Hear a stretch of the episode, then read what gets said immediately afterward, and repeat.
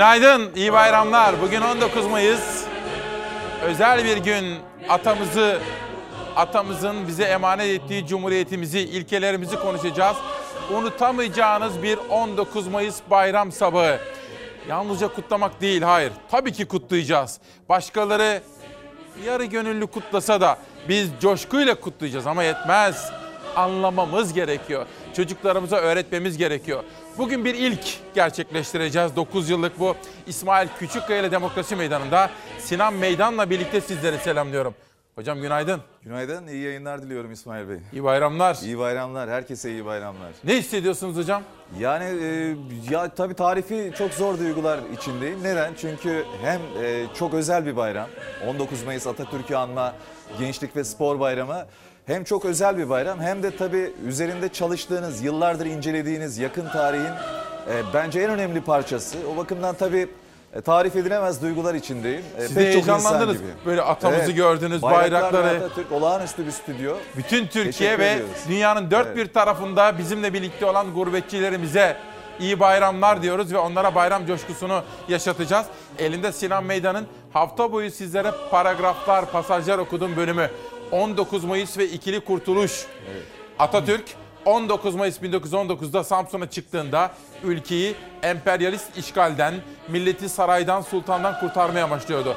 Atatürk Nutuk'ta Samsun'a çıkarken amacının millet egemenliğine dayanan tam bağımsız yeni bir Türk devleti kurmak olduğunu açıklıyor.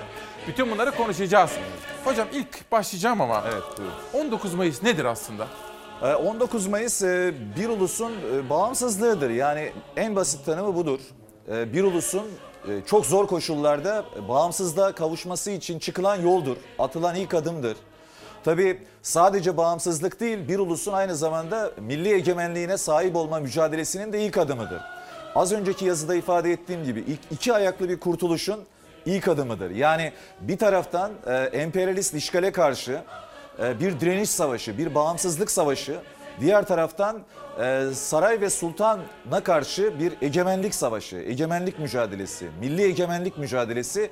İkisi aynı zamanda eş zamanlı olarak yürütüldü bu mücadelelerin ve sonunda benim yazıda da ifade ettiğim gibi millet iki kere kurtuldu.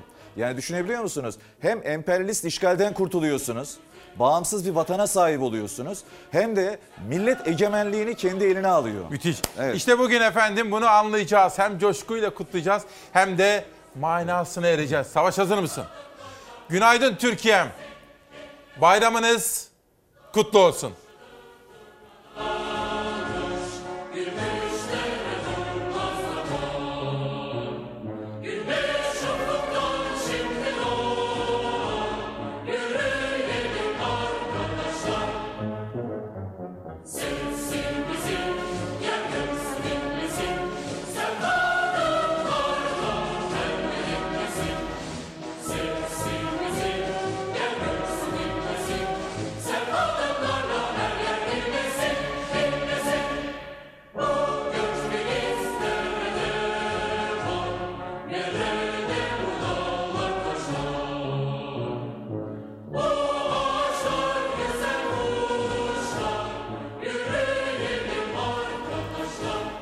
Ey Türk gençliği dedik.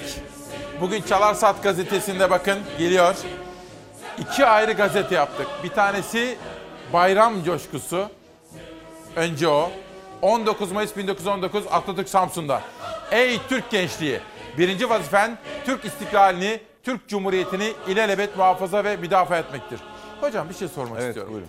Atamız Cumhuriyeti neden gençlere emanet etti? Tabii bu Cumhuriyet'in ilelebet payidar kalması için e, gerekli olan bir formül. Yani Cumhuriyet'in gençlere emaneti popülist bir yaklaşım değil, tam tersi. E, kurulan Cumhuriyet'i e, ilelebet yaşatabilmek için, o dinamizmi sağlayabilmek için e, gençlere emanet etti. Yani Cumhuriyet ilelebet payidar kalacaktır derken Mustafa Kemal Atatürk onun da yolunu bulmuştu. O payidar kalmayı yani sonsuza kadar yaşamasını sağlamanın formülü gençlerin e, Cumhuriyete sahip çıkması, Cumhuriyet değerleriyle yetişmesiydi. Bunun için gençlere emanet etti. Şimdi hocam biz Evet. sizinle bugün hem bu bayramı anlayacağız, milli Umarım. mücadele olayını ama aynı zamanda Evet. bugün gençlerin durumunu. İkinci bir gazete daha yaptık. Bakın Evet. Zeray Kınacı ve Orkun Özgür'le birlikte ikinci bir gazete daha hazırladık. Umutsuz Ev Gençleri. Bugün 19 Mayıs. Atatürk'ün Samsun'a çıkışının üzerinden 103 yıl geçti. Ama bu 103 yıl içinde acaba gençlerimize iş bulabildik mi? Gelecek yaratabildik mi? Onların hayallerini gerçekleştirebildik mi? Bütün bunlara da bakacağız. Elimde de Sinan Hocam'ın, Sinan Meydan'ın Anahtar isimli kitabı var. Sizlere daha evvel bahsetmiştim. İşte böyle. Ama aynı zamanda ekonomiye de bakacağız. Önce hava durumu.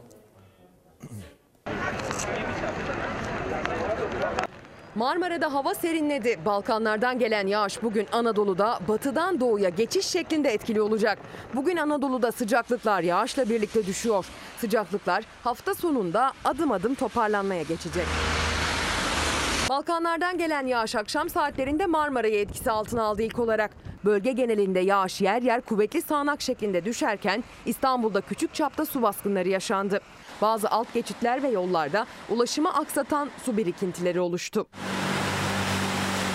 Bugün Marmara'da yağışlı havanın etkisi zayıflıyor, güneş görülüyor. Güneş görüldüğü ölçüde ısıtacak Marmara'yı ancak hava düne göre yine de daha serin olacak. Kuvvetli sağanak yağış geçişleri ise Orta Anadolu ile Doğu Karadeniz'i etkisi altına alacak. Bugün göller yöresi çevrelerinde zaman zaman kuvvetli sağanak yağmur görülebilir. Benzer şekilde İç Anadolu bölgesinin doğu illerinde de yağışlar kuvvetli sağanak yağmur şeklinde düşecektir. Gün içinde Karadeniz'in doğusunda yağmurun kuvvetli olması bekleniyor. Karadeniz'in yüksek ve iç kesimlerinde ise özellikle gece saatlerinde düşen sıcaklıklarla birlikte yağışlar da karla karışık yağmura dönebilir. Bugün aynı zamanda Orta Anadolu'da, İç Ege'de, Akdeniz bölgesinde yer yer dolu yağışı bekleniyor dikkat edilmeli. Cuma günü yağış büyük ölçüde etkisini yitirecek. Güneşli gökyüzü hissedilen sıcaklıkları artıracak. Sıcaklıklar birkaç derece artsa da serin havanın etkisi birkaç gün daha sürüyor. Yağışlar Doğu Karadeniz'de ve Doğu Anadolu'da bugüne kıyasla zayıflayarak devam edecek yarın. Güney Ege ve Batı Akdeniz'de de hafif yağış geçişleri görülebilir Cuma günü. Hafta sonunda yağışlar tüm bölgelerde zayıflayacak. Cumartesi pazar sıcaklıklar gün gün birer ikişer artacak. Perşembeden pazara bir düşüp bir yükselen sıcaklık değerleri hastalığa yakalanmaya elverişli bir ortam oluşturuyor. Bugünlerde günden geceye ve bir günden diğerine hızla değişen sıcaklık değerlerinden etkilenmemek için kıyafet tercihleri önem kazanıyor. Bir yandan bayram, coşkusu, manası, Sinan Meydan'la anlama çabası. Bir yandan ekonomi, Atatürk Havalimanı. Dün bu program için hazırlanırken Sinan Meydan'ın mesajlarını da gördüm Atatürk Havalimanı konusunda. Mesela Atatürk Orman Çiftliği'ni de soracağım ona. Atamızın o tarihteki o muazzam vizyonunu da sormak istiyorum. Gazeteleri okuyalım Sözcü. Biliyorsunuz Sinan Meydan aynı zamanda Sözcü Gazetesi yazarı. Pazartesi günleri yazılarından alıntı yapıyorum size. 19 Mayıs Gençlik ve Spor Bayramı'nı kutluyor. Bize bu toprakları vatan yapan Atatürk'ü anıyor ve arıyoruz. Bir daha gel Samsun'dan diyor. Atam, atam sen ne yaptıysan hepsini bozuyorlar. Andımızı getirdin ama okullarda okutmuyorlar. Atatürk Orman Çiftliği'ni miras bıraktın. Şimdi üstünde binalar var. Kalkınma için fabrikalar yaptın. Hepsini sattılar. Milletin efendisi dediğin köylüyü perişan ettiler. O dönem birlik beraberlik vardı. Şimdi kutuplaştık. Türk vatandaşlığı artık parayla satılır hale geldi. Cemaatler, tarikatlar devlet kademelerine sızdı. Üstüne basa basa söylediğin laiklik yara aldı. Devlette liyakatin yerini adam kayırma aldı. Dış politikada senin gibi dimdik duramıyorlar. Bağımsız yargı şimdi siyasetin gölgesi altında. Seni anlamayanlar adını her yerden siliyor. Adını verdiğimiz havalimanını bile yıkıyorlar. Ey büyük Atatürk! Açtığın yolda gösterdiğin hedefe durmadan yürüyeceğimize ant içiyoruz diyoruz. Ve bugün 19 Mayıs'ta hiç istemem ama e, zam var ne yapayım? Benzine bir kere daha zam geldi. Zamlarla uyanıyoruz her sabah. Bu şekilde yaşamaktan bıktık yani. 3 liralık mazot aldık daha yarım depo olmadı. Al 15 litre. Gör abi işte. Yarın 14 litre, öbürsü gün 13 litre. Her gün iniyoruz. Zamsız geçen bir günün ardından benzine yeniden zam geldi. 1 lira 4 kuruş zam yapıldı litresine. Fiyatı 24 liraya dayandı. 100 liralık alacağız. Herhalde yarın biter. Aracı neden kullanmıyorsunuz? Pahalılıktan, benzin pahalı. Türk lirasının dolar karşısında yaşadığı değer kaybı petrol fiyatlarındaki sakin seyre rağmen akaryakıt fiyatlarını dalgalandırıyor. Kal işi yapıyorum. Bir, bir eve gittiğim zaman bir halı aldığım zaman diyor ki sen 100 lira halı mı yıkıyorsun? Ama bir 100 liralık mazot aldım ha şimdi. Ben nasıl iş yapayım burada? Ne, bu ülkede nasıl yaşayayım ben? 17 Mayıs'ta 1 lira 70 kuruş zamlanmıştı benzinin litresi. 19 Mayıs'ta yeniden zam geldi. Gelen zam yine 1 liradan fazla oldu. 1 lira 4 kuruş zamlandı benzin. Bu vatandaşın haline yazık ya. Ne kadarlık almaya geldiniz? 50 liralık 100 liralık. Ne yapalım abi? Çalıştırmazsan olmuyor. Arabanın içinde çoluk var çocuk var. Zam sonrası İstanbul'da benzinin litresi ortalama 23 lira 86 kuruşa yükseldi. 24 lira seviyesine yaklaştı benzin. 55 litrelik bir depoya sahip aracın deposu artık ortalama 1312 liraya doluyor. 31 Aralık 2021'de benzinin litresi İstanbul'da 12 lira 29 kuruştu. O günden bugüne yani yaklaşık 5,5 aylık süreçte %94 zamlandı benzin. Canları sıkıldıkça yapıyor. Zam gelmediğine şaşıyoruz zaten. Hayret ettik niye gelmedi acaba diye. Şimdi geldi. Benzindeki bir yıllık zam oranına bakıldığında ise zamların büyüklüğü daha da net anlaşılıyor. Geçtiğimiz yıl bugün yani 19 Mayıs 2021'de benzinin litresi 7 lira 17 kuruştu. Bugün 23 lira 86 kuruş. Bu da yıllık bazda bakıldığında %232 zam demek. Sabah gündem çalışmamızı yaparken Zafer Söken dedi ki, dün de hesaplamıştık ya, 19 Mayıs, bakın 1 Ocak 2022, Ocak, Şubat, Mart, Nisan ve Mayıs'ın 19'u. Bu kısa süre içinde yani 2022'de benzine %94 zam geldi. Bugün bir yıl önce, aradaki bir yılda %232 zam geldi benzine. Bunu konuşmamız, bunun hayatımızı nasıl etkilediğini de tartışmamız gerekiyor. Hürriyet gazetesini okuyacağım. Ondan sonra Sinan Meydan'a şunu soracağım. Hocam diyeceğim, Atatürk neden Bandırma vapuruna bindi de Samsun'a doğru yola çıktı? Bunun, bunun sebebi neydi diye soracağım. Önce Hürriyet'i okuyalım sözcüden sonra. 19 Mayıs Atatürk Anma Gençlik ve Spor Bayramımız kutlu olsun. 103 yıl önce saat 08 Ulu Önder Atatürk 103 yıl önce bugün sabah saat 8'de tam şu sıralarda tütün iskelesinden Samsun'a çıkarak Kurtuluş Savaşı'nın ateşini yaktı. Atanın Bandırma vapurundan kıyıya hangi sandala çıktığı konusunda iki ayrı hikaye var. İşte o günün iki öyküsü demiş Hürriyet gazetesi böyle bir anekdotta çıkmış. Hocam en basit şekilde, en yalın şekilde Mustafa Kemal kendisini Atatürk Osmanlı İmparatorluğu'nda Türkiye Cumhuriyeti yapacak yolculuğa çıktı. Evet. Neden Samsun'a çıktı? Evet, e, şimdi önce işgal atmosferini bilmek gerekiyor. Bakın e, Birinci Dünya Savaşı bitti. Birinci Dünya Savaşı biterken tabii Mondros Teşkisi Anlaşması ile bitti. 30 Ekim 1918'de Mondros Teşkisi Anlaşması imzalandı ve Osmanlı Devleti savaştan çekilmek zorunda kaldı. Çok ağır bir anlaşma. Şimdi e, bu anlaşmadan sonra işgaller başladı. Yani elimizde kalan Anadolu coğrafyası işgal edilmeye başlandı. İstanbul işgal edildi önce. Mesela 13 Kasım 1918'de İstanbul'un işgali önemlidir. E, Ondan önce Güney Anadolu işgal edilmeye başlandı. İşte Adana, Urfa, Maraş, e, İskenderun gibi e, kentlerimiz işgal edildi. Şimdi e, o sırada Mustafa Kemal Paşa İstanbul'a geldi. Yani 13 Kasım 1918'de İstanbul işgal edilirken hatta İstanbul'un işgal edildiği saatlerde ki fiili işgaldir bu. Yani Boğaz'da düşman donanmasını hat- e, hayal edin. O sırada Haydarpaşa'da trenden indi Mustafa Kemal. Adana'dan İstanbul'a çağrıldı çünkü. Ordular dağıtılıyor. Mondros gereği ve komutanlar İstanbul'a çağrılıyor. Mustafa Kemal Paşa İstanbul'a geldiği gün aslında o işgal sahnesini gördüğünde Boğaz'daki düşman donanmasını yani İngiliz, Fransız, İtalyan bayraklı, Yunan bayraklı gemileri gördüğünde e, tanıklar şunu söylüyor. Anadolu'dan İstanbul'a geldiğine pişman oldu. Ve keşke gelmeseydim, keşke Anadolu'da kalsaydım, mücadeleyi orada yürütseydim diye bir düşünceye sahip olduğunu biz biliyoruz. Ve bakın o işgal atmosferinde tam 6 ay boyunca hazırlıklar yaptı. Neyin hazırlığıdır bu? İstanbul'da mücadeleyi e, örgütlemenin mümkün olmadığını görüyor. Yani vatanı kurtaracak mücadelenin İstanbul'dan başlatılamayacağını e, farkına varıyor. Çünkü İstanbul'daki e, hem siyasi partiler olsun, hem saray olsun, hem işte hükümet olsun onların prangalanmış olduğunu söylüyor Mustafa Kemal. Yani adeta zincirlerle bağlandıklarını söylüyor. Ve orada insanların üzerinde bir ölü toprağı olduğunu ifade ediyor. Bunun için Anadolu'ya geçmek gerektiğini, milletle birlikte hareket etmek gerektiğini ifade ediyor. Bunları daha sonradan anlatıyor bize Mustafa Kemal Paşa. Oradan biliyoruz. Ve bakın İsmail Bey 6 ay boyunca İstanbul'da hep neyin hazırlığını yapar? Bir şekilde Anadolu'ya geçmek ve Anadolu'da bir bağımsızlık savaşını başlatmak.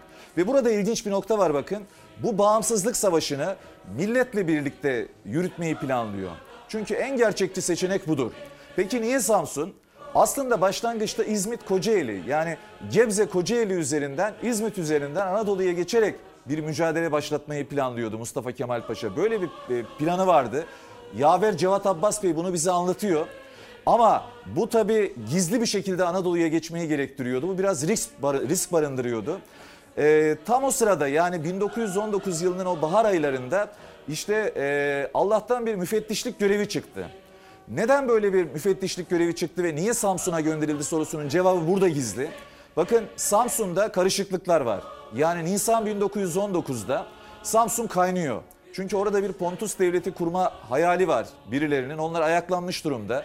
Buna karşı Türkler de kendi vatanını savunuyorlar. Türkler de silaha sarılmış durumdalar.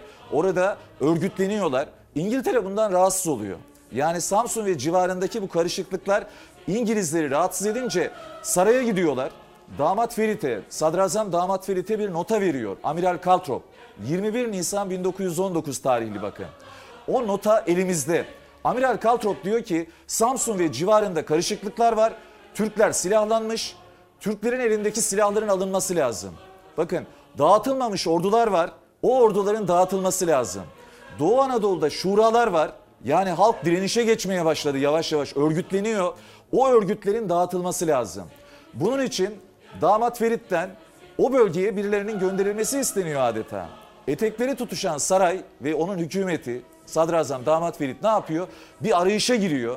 İşte bu sırada Mustafa Kemal Atatürk'ün 9. Ordu müfettişi olarak daha doğrusu Mustafa Kemal Paşa'nın 9. Ordu müfettişi olarak Samsun'a gönderilmesine karar veriliyor. Bakın onu gönderenlerin amacı, sarayın amacı İngilizlerin istediği şekilde oradaki kargaşayı önlemek. Orada hatta Türklerin direnişini önlemek. Bakın elimizde Atatürk'e verilen görev belgesinden birkaç madde okumama izin Okuyun, verin. lütfen okuyun. Çok ilginç bakın. Saray hükümeti Mustafa Kemal Paşa'ya 9. Ordu müfettişliği görevini verdi. Görev kağıdı elimde. Getirdim. Bakın orada ne diyor? Ee, bu görev diyor hem askeridir hem mülkidir. Ee, bu görevin detaylarına girdiği zaman Mustafa Kemal'in görevi bölgede asayişin sağlanması, asayişsizliğin nedenlerinin belirlenmesi. Ee, iki, bölgedeki silah ve cephanenin bir an önce toplanarak uygun depolara konulması. Türklerin elindeki silah ve cephaneyi toplayacakmış Mustafa Saray Kemal. emperyalistlerin isteğini İste- Mustafa Kemal'den yapmasını Aynen istiyor. öyle. Ama, Ama şimdi bir ara verelim bir dakika. Ama Mustafa Kemal'in başka bir planı var. Heh, o Evet. planı soracağım şimdi size. Ama önce sarayın bir planı var. Emperyalistlerin saraydan istediği. Ama herkesin bir planı var. Evet. Mustafa Kemal'in de bir planı var. Sinan Meydan'a onu soracağım ama önce ekonomi. Erdoğan benzine yüzde 221 zam yaptı. Çaya yüzde 84, tüp gaza yüzde 141, şekere yüzde 135, una yüzde 101 zam yaptın Erdoğan. Gece aç uyumanın, yokluğun, yoksulluğun ne demek olduğunu saray sefasına kapılan Sayın Erdoğan bilmez. Enerji ve ham madde fiyatlarındaki aşırı yükselişin tetiklediği enflasyonun en bariz tecellisi olduğu ekonomik sıkıntılar gelişmiş ülkeler başta olmak üzere herkesi kara kara düşündürüyor. Emekli, çiftçi, işçi, işsiz Cumhurbaşkanı Erdoğan'ın da dediği gibi bugünlerde geçim derdinde olan milyonlar kara kara düşünüyor ama Erdoğan meclis grup konuşmasında onlardan hiç bahsetmeden tek bir cümle kurdu ekonomiyle ilgili. O cümlede de Türkiye'nin değil gelişmiş ülkelerin enflasyon problemi vardı. Ne işçiden, ne işsizden, ne çiftçiden, ne esnaftan, ne EYT'liden, ne emekliden bahsetmedi. Ekonomimizin son iki yılda gösterdiği büyük başarı tüm dünya tarafından takdir ediliyor. Bu iktidar ekonomide hangi konuyu ele alırsak alalım başarısız olmuş. Enflasyonu 3 üç haneli rakamlara çıkardılar. Yani yüzde yüzlerin üstünde. Bu durumda yoksulluğu kader, yolsuzluğu hizmet, tutsaklığı da sadakat diye benimsetmeye çalışan, ülkemizi uçuracağına uçuruma götüren bir ucube sistem yüzünden geldik. Erdoğan'ın ekonomiyle ilgili suskunluğu muhalefeti konuşturdu. İnsanlar kira ödeyemediği için kirayı arttırmadıkları için çıkarılıyor. Beyefendi bunlardan bahsetmedi. Zamlardan, enflasyondan, hayat pahalılığından bahsetmedi. Üniversite mezunu gençlerimiz de iş bulamıyor. Sizler Türkiye'de Türk olmaktan gurur duyan ama Türkiye'de yaşamaktan artık yorulan gençlerimizsiniz ve çok haklısınız.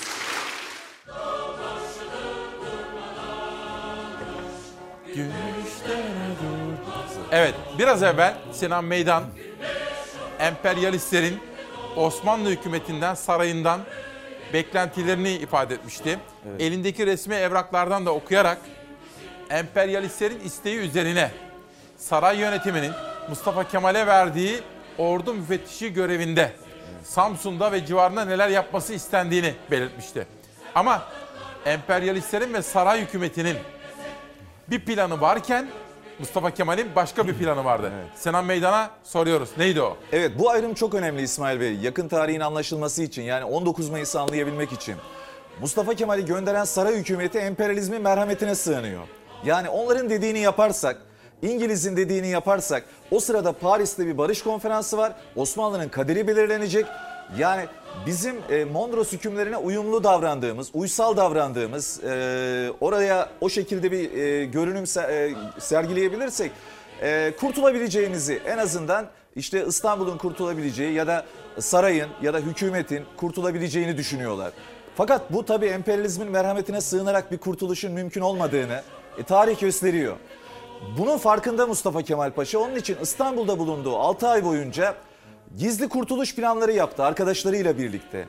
Bakın Şişli'deki ev bugün Ha, müze var. Atatürk Müzesi var. Şimdi o müzeyi ziyaret ederken e, o müzenin e, orta katında ki perdelerin hiç kapan e, açılmadığını bilsin izleyicilerimiz. Çünkü İstanbul işgal altında ve 6 ay boyunca Mustafa Kemal orada bakın kimlerle görüşüyor. E, mesela Kazım Karabekir Paşa oraya geliyor. Ali Fuat Cebesoy oraya geliyor. Rauf Orbay oraya geliyor. İsmet Paşa o eve geliyor. E, yine işte e, Fethi Okyar o eve geliyor. Orada Mustafa Kemal Paşa bütün yurtseverlerle asker, as- asker sivil onlarla görüşerek e, Anadolu'da nasıl bir hareket başlatabilecekleri üzerinde bakın 6 ay uzun bir zaman e, planlar yapıyor, kararlar alıyor ve plan şudur. Yani o planın özeti şudur. E, Anadolu'ya geçerek milletle birlikte omuz omuza bir hareket örgütlemek ve ya istiklal ya ölüm parolasıyla mücadeleye atılmak. Bunu ya istiklal ya ölüm parola. Sinan Hocam. Evet. Atatürk, Mustafa Kemal o zaman. Evet. Bu planını saraya söylemiyor değil mi? Tabii ki. Sar- Bilmiyorlar. Saray bunu bilse tabii Anadolu'ya Mustafa Kemal'i asla göndermezler. Tamam. Bu net mi tarihsel bu, bu olarak? net, bu çok önemli bakın. Yani Mustafa Kemal'in planı ki zaten ne diyor Nutuk'ta uzun uzun anlatıyor. Bir milli sırdan bahseder. Milli sır. Vicdanımda Vic- saklıyorum diyor. Evet, Milli vic- bir sır. Vicdanda saklanan milli sır ki Nutuk'ta bunu anlatırken şunu der. e, öyle bir zaman geldi ki der ülkeyi cumhuriyete taşırken yakın arkadaşlarından bile bazı yakın arkadaşlarından bile bu sırrı saklamak zorunda kaldığını ifade eder. Bu Şişli'deki Evet. ev. Evet bunun tabii daha uzaktan e, bir- Genel görüntüsünü alabiliriz bir sonra. Genel görüntüye Peki. gelirsek orada Tamam. daha detaylı Savaş göreceğiz. gazetelere bir Evet. dönelim bakalım. Kim nasıl kutlamış bayramımızı onu bir görelim. Biraz evvel Sözcü'yle başladık. Hürriyet'e devam ettik. Sırada Cumhuriyet ve Türk Gün var. Ey Türk gençliği unutma diyor Cumhuriyet gazetesi. Ulu Önder Atatürk'ün emperyalizme karşı kurtuluş ateşini yakışının 103. yılı. Bugün aynı zamanda Alev Coşkun'un yazısında çağdaş, layık ve bağımsız Türk devletinin ilk adımı olduğu vurgusu var. Türk Gün gazetesine geçiyorum. Yine manşette atamız var. 103 yıldır aynı heyecan diyor. Atatürk'ün kaleminden 19 Mayıs yine Türk Gün gazetesinin birinci sayfası, sayfasında yer almış durumda. Buradan bir güne geçiyorum. Bir gün gazetesi yeniden yola çıkma zamanı diyor. Mustafa Kemal ve arkadaşlarının emperyalist işgale karşı başlattığı yürüyüşün üzerinden 103 yıl geçti. Şimdi yeniden yürüyüş zamanı. Bu yürüyüş bir kez daha öğretecek, özgürleştirecek ve kazandıracak diyor efendim. Ekonomiye baktık bir de biz Atatürk gençliği ülkemizi emperyalistlerden kanla mücadeleyle, kuvayi milliye ruhuyla kurtarılan bu vatanın taşını toprağını da korumak ilk vazifemizdir. O kepçelerin önüne yatacağım. İnan ki gece gündüz yatacağım. Yer üstü yer altından daha kıymetlidir. Bu siyanür bizi değil bütün bütün doğayı öldürecek ve bizi de öldürecek. Köyümde toprağıma zehirli maden istemiyorum. Zehirli madene hayır diyorum. Doğayı kirletmeyelim. Sahip çıkalım. İlçelerinde yapılması planlanan altın madenine tepki göstermek için bir araya geldiler. Katılım öyle büyük oldu ki o toplanma adeta bir mitinge dönüştü. Ordu'nun Ulubey ilçesinde ilçe sakinleri tek tek kürsüye çıktı. Tıpkı bir politikacı gibi hemşerilerine seslendi. Arkadaş yurdumu alçaklara uğratma sakın. Siper et gövdeni dursun bu hayasızca akın. Memleketimiz için iki kelime söyleyeceğim. Çanakkale nasıl geçilmezse Sapdere'de geçilmez. 70 yaşı 80 yaşıma değeyim böyle bir şey görmedim. Herif ormanları kıracak bizi zehirleyecek. Vay anasını vay. Kim demiş o? Unutmayın toprak yoksa biz de yokuz. Siyanür varsa biz yokuz. Ordu'nun Ulubey, Altınordu, Korgan ve Gülyalı ilçelerindeki dört alanda maden arama ihalesi açıldı. Ulubeyliler maden ihtimalini duyar duymaz harekete geçti. Ulubey Doğa ve Çevre Platformu arama ihalesine tepki göstermek için toplanmaya çağırdı bölge halkını. Kalabalık büyük oldu. İlçede adeta seferberlik vardı. Çalışanlar bile işlerini bırakıp üniformalarıyla o protestoya koştu. Millet varsa devlet vardır. Eğer siz bunu istemiyorsanız hiç kimse sizin toprağınıza kazma vuramaz. Çevre dernekleri, siyasi parti temsilcileri, sivil toplum kuruluşları, meslek odaları hepsi destek verdi Ulubeylilere. Muhtarlar, bölge halkı tek tek söz aldılar kürsüde. Görüşlerini yüksek sesle dile getirdiler. Maden projelerinin iptal edilmesini istediler. Çevre Bakanı'na, Enerji Bakanı'na ve Sayın Cumhurbaşkanımıza buradan sesleniyorum. Bugün eğer madenci buraya girerse siz giremezsiniz. Eğer ki bu bölgede bir maden çalışması olacaksa bu bölge bitti demektir. Biz turizm şehri olmak istiyoruz. Biz sarı altın istemiyoruz. Biz yeşil altın istiyoruz. Yeşil altın. Şimdi efendim askerliğini yapanlar bileceklerdir. Vatanını en çok seven işini en iyi yapandır. Değil mi? Aynen öyle. İşimizi iyi yapacağız. Aynen öyle evet. Şimdi birkaç gazete manşeti daha okuyacağım. Atatürk Havalimanı meselesine gireceğim. Sinan Meydan'ın buradaki mesajlarını da okudum çünkü. Karar Gazetesi'ne geçiyorum. Bu kadar acele niye diye soruyor. Atatürk Havalimanı'nın Millet Bahçesi'ne çevrileceğinin duyurulmasından sonra daha imar planları bile oluşturulmadan apar topar yıkım süreci başladı. İş makinelerinin ise milyar dolarlık pistlere sözleşme tarihinden günler önce girdiği ortaya çıktı. Ne getirir ne götürür planlaması yapılmadan devlet kaynaklarıyla girişilen yıkım kamuoyunda rahatsızlık yarattı. Dün ve önceki gün ifade ettiğim gibi AK Partili ve MHP'li değerli izleyenlerim de Atatürk Havalimanı'nın böylesine bir yıkım süreciyle karşı karşıya kalmasından üzüntü içindeler. Bunu görüyorum.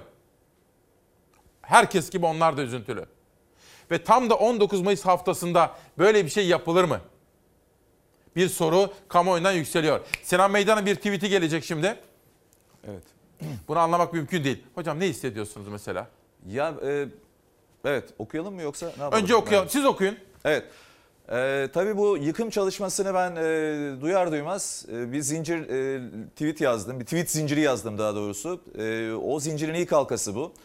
Atatürk Havalimanı'nı yıkmak akılla, mantıkla, yurtseverlikle açıklanamaz. Dünyanın en iyi havalimanlarından biri olan Atatürk Havalimanı aynı zamanda Türkiye Cumhuriyeti'nin ulusal ve uluslararası sembollerinden biridir. Bu sembolün yok edilmesi kabul edilemez diyerek e, ben e, aslında kamuoyunun duygusunu, duygularına tercüman olmuş oldum ki zaten e, çok fazla oranda kişiye ulaştı bu tweet, bu mesaj. Çok paylaşıldı, insanlar- gördüm. İnsanlar benzer şeyler düşünüyorlar. Çünkü hakikaten aklın yolu bir. Yani düşünebiliyor musunuz? Dünyanın en iyi havalimanlarından biri seçilmiş Atatürk Havalimanı ve benim az önce ifade ettiğim gibi bizim için sembolik anlamı da var. Yani stratejik anlamının ötesinde, e, ekonomik değerinin ötesinde e, sembolik bir anlamı da var. Daha 1912 yılında bakın orası bir anlamda havaalanı olarak kullanılmaya başlanıyor. 1912 gelmişiz 2022'ye ve burası havacılıkla sembolleşmiş. E, kentin kalbi diyebileceğimiz Yıkılır mı ya? alanda Yıkılır mı? ve e, bütün altyapısıyla hazır.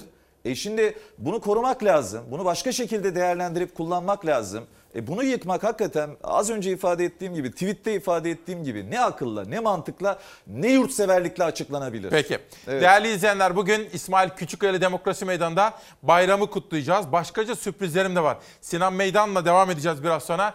Ama bir reklam molası rica edeceğim. Bu arada bayram coşkusunu yaşarken bayramın manasını da kavrayacağız. Türkiye'm bayramınız kutlu olsun. Dağ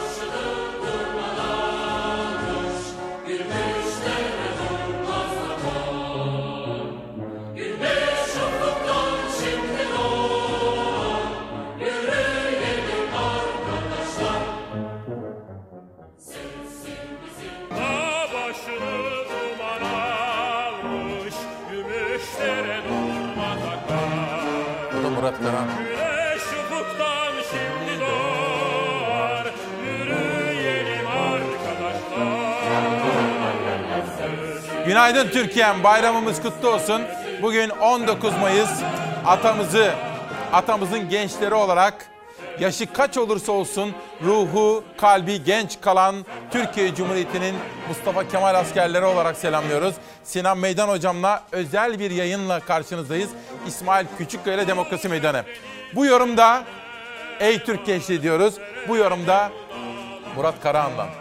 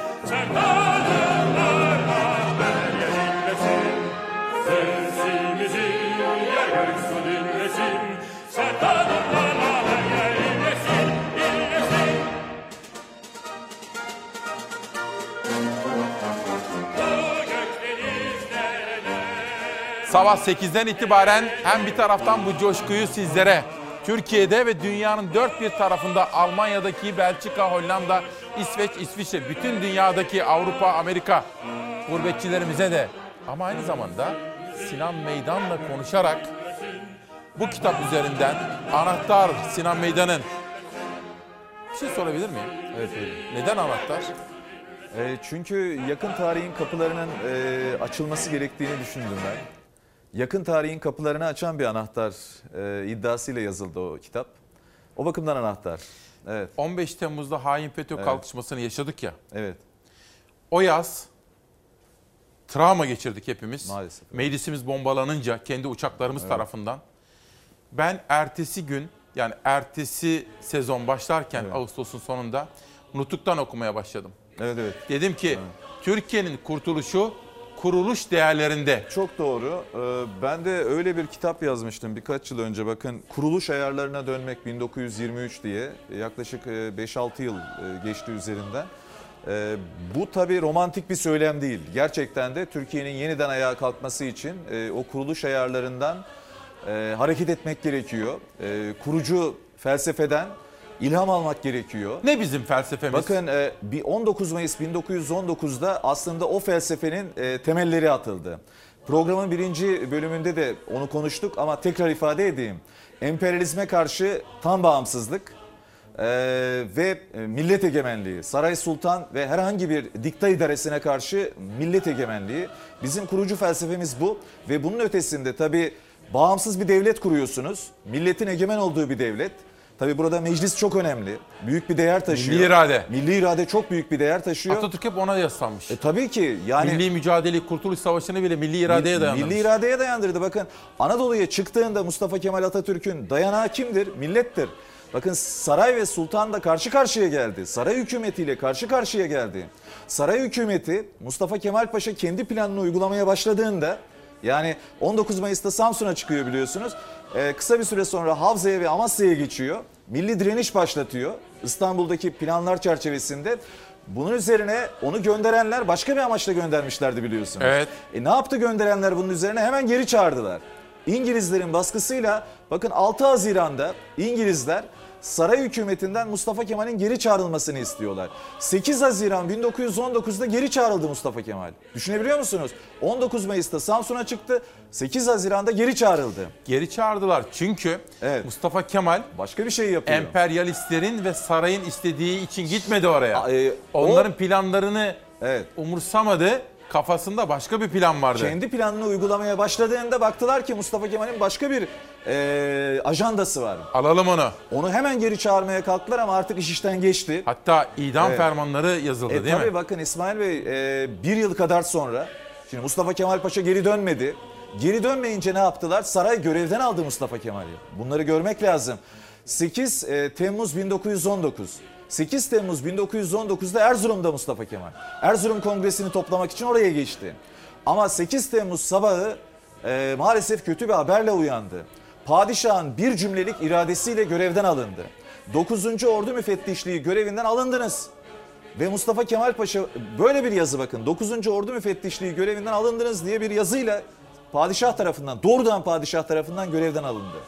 Ve 8 Temmuz 1919 sabahı Mustafa Kemal Paşa ne yapıyor? Ee, askerlikten istifa ediyor. Yani siz beni görevden aldıysanız diyor ben askerlikten istifa ediyorum. Ve orada ilginç bir ifadesi var bakın. Askerlikten istifa ederken bir ferdi mücahit gibi milletin sinesinde mücadeleye devam edeceğim diyor bakın. Ya. İfadeye dikkat edin. Bir ferdi mücahit gibi milletin sinesinde mücadeleye devam Buna edeceğim. devam edeceğiz hocam. Ve burada İsmail Bey şunun da altını çizeyim. Bu mücadeleyi hep milletle birlikte yürütüyor. Ankara'da Türkiye Büyük Millet Meclisi'nin açılışıyla birlikte bu mücadele, milli iradeyle birlikte yürütülen bu mücadele e, milletle birlikte Cumhuriyete taşınacak biliyorsunuz. Peki devam edeceğiz.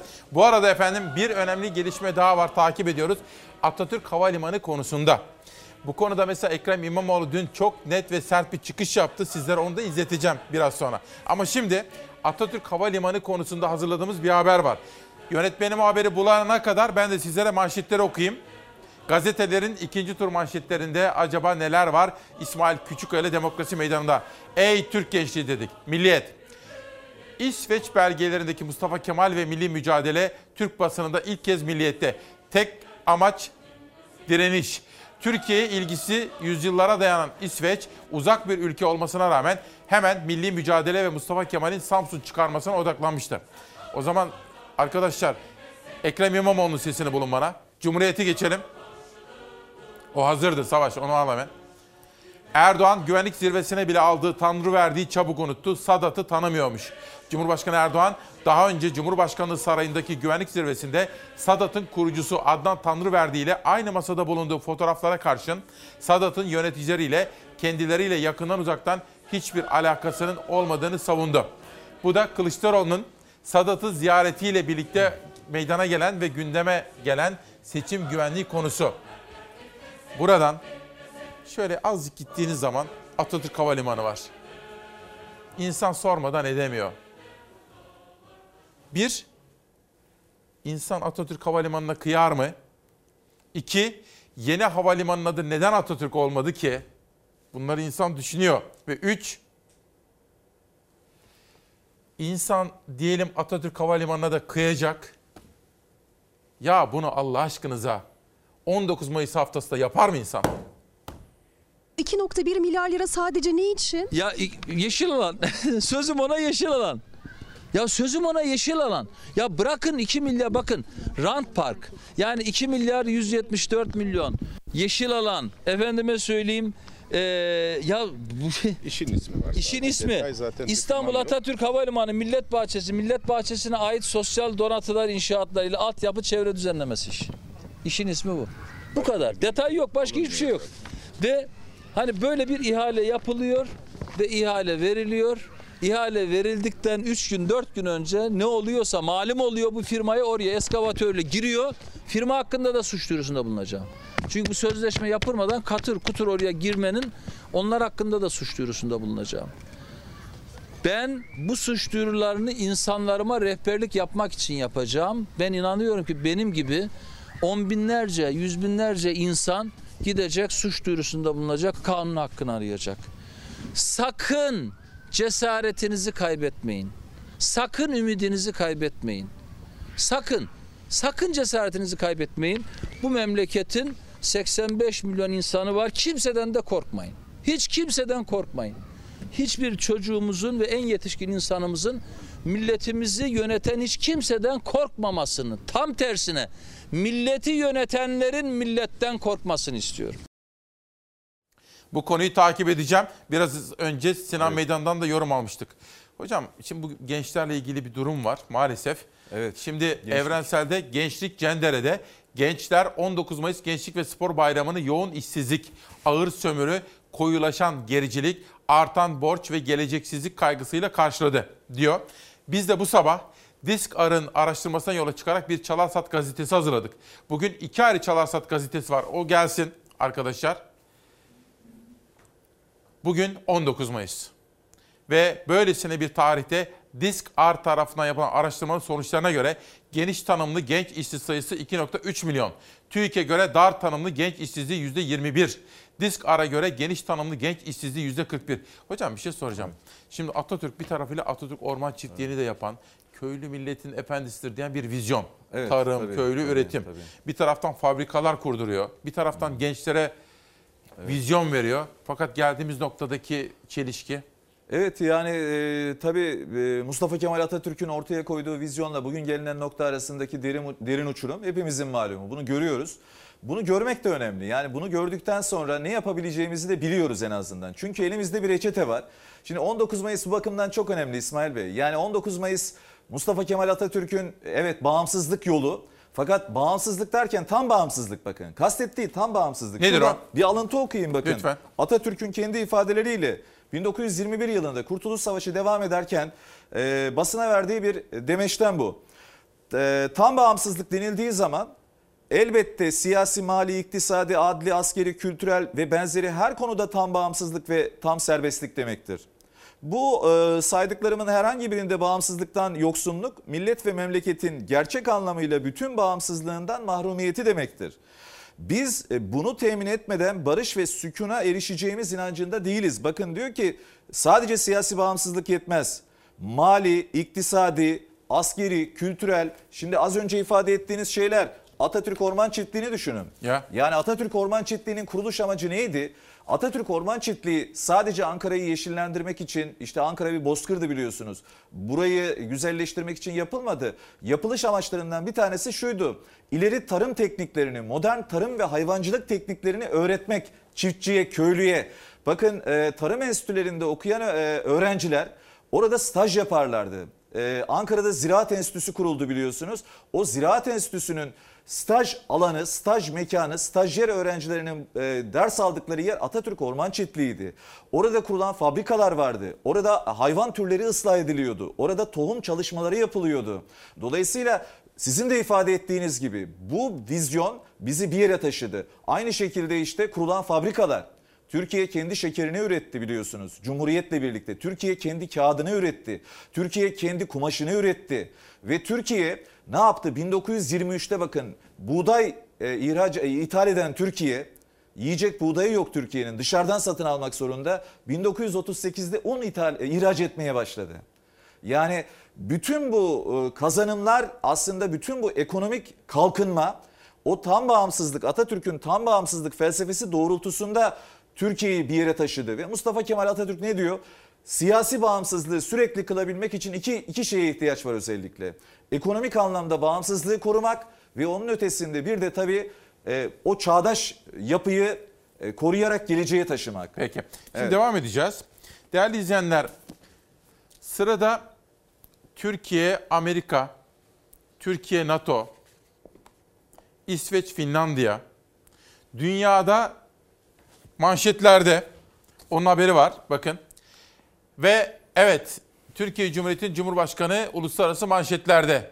Financial Times'ın bugünkü sayısında Erdoğan, İsveç ve Finlandiya'nın NATO'ya üyelik müzakerelerini engelliyor, blokluyor şeklindeki haberler manşetlerde. Ben bugün kitaplığımdan Dünya basında Atatürk, Nuri Çolakoğlu'nun hazırladığı bu eseri getirdim. Dünya basınında ulusal önderimizle ilgili neler yazılmış, çizilmiş. Naçizane kendi yazdığım Fikri Hür, Vicdanı Hür. iki sene önce çıkmıştı bu kitabı getirdim. Çünkü bizler fikri hür, vicdanı hür nesiller olmalıyız. Mustafa Kemal'in öğrencileri olarak. İlker Başbuğ'un bugün çıkan kitabını getirdim. Savaş ve Barış. Ve Sinan Meydan'ın Yakın Tarih için Anahtar isimli eserini de getirdim. Dünya basınında Türkiye Cumhuriyeti'nin Cumhurbaşkanı İsveç ve Finlandiya NATO'ya üye olmak istiyor. Biz engel koyuyoruz. Son derece e, pozitif bir görüşme gerçekleştiğini e, size söyleyebilirim. Türkiye'nin İsveç ve Finlandiya'nın NATO üyeliğine karşı çıktığı diplomasi trafiğinin hız kazandığı dönemde kritik bir görüşme gerçekleşti. Dışişleri Bakanı Mevlüt Çavuşoğlu Amerikalı mevkidaşıyla görüştü. Türkiye'nin taleplerini anlattı. Amerika'dan istediğimiz şu. Sen de müttefiksin, de katsa yaptırımlar dahil. Yani bunların artık tersine çevrilmesi gerekiyor. İki, Amerika'nın kendisinin de e, PKK ve YPG'ye Suriye'de desteği kesmesi lazım. Ankara NATO'nun genişlemesine karşı olmadığını her fırsatta vurguluyor. Ancak güvenlik endişelerinin giderilmesi gerektiğini hatırlatıyor. E, müttefiklerin ve e, ya da aday olmak isteyen ülkelerin e, bizi hedef alan terör örgütlerine destek vermesi kabul edilemez. Bu sadece siyasi destek de değil. Örneğin İsveç e, silah da temin ediyor. Türkiye'nin tepkisi Finlandiya'dan ziyade İsveç'e yönelik terör örgütüne verdiği destek nedeniyle Çavuşoğlu endişelerin giderilmesine dair garanti verilmesi gerekir diye de konuştu. Şimdi üye oluncaya kadar e, Türkiye'nin güvenlik endişelerini karşılayalım. E, ondan sonrasına bakarız. Yaklaşımı olabilir. Dolayısıyla biz şundan da emin olmak istiyoruz. Gerek şu andaki müttefiklerimizin ya da gerek olmak isteyen NATO üyesi olmak isteyen ülkelerin olası bir üyelikten sonra da e, aynı tutumu sergilemesi gerekiyor. Bunların garantisi olması lazım. O endişeler hakkında Amerikan Dışişleri Bakanı'nın sözlerini de anlattı Çavuşoğlu. Türkiye'nin endişelerinin giderilmesi konusunda gerekli mesajları kendileri de vereceklerini söylediler. Sadece güvenlik endişeleri de değil Ankara savunma sanayinde Türkiye'ye uygulanan yaptırımları da hatırlatıyor. E, Müttefik olmak isteyen ülkenin ya da müttefiklerin başka bir müttefiğe karşı e, savunma ürünleriyle ilgili kısıtlama getirmesi de kabul edilemez. Bu ancak düşman gördüğün bir ülkeye karşı alınacak bir tedbirdir. Çavuşoğlu Blinken görüşmesinde yalnızca Finlandiya ve İsveç'in NATO üyelik başvurusu değil, Türkiye'nin Amerika Birleşik Devletleri'nden alacağı F-16'lar da gündemdeydi. F-16'ların Türkiye'ye verilmesinin sadece Türkiye için değil bir müttefik olarak NATO için de ABD için de önemli olduğunu vurguluyor.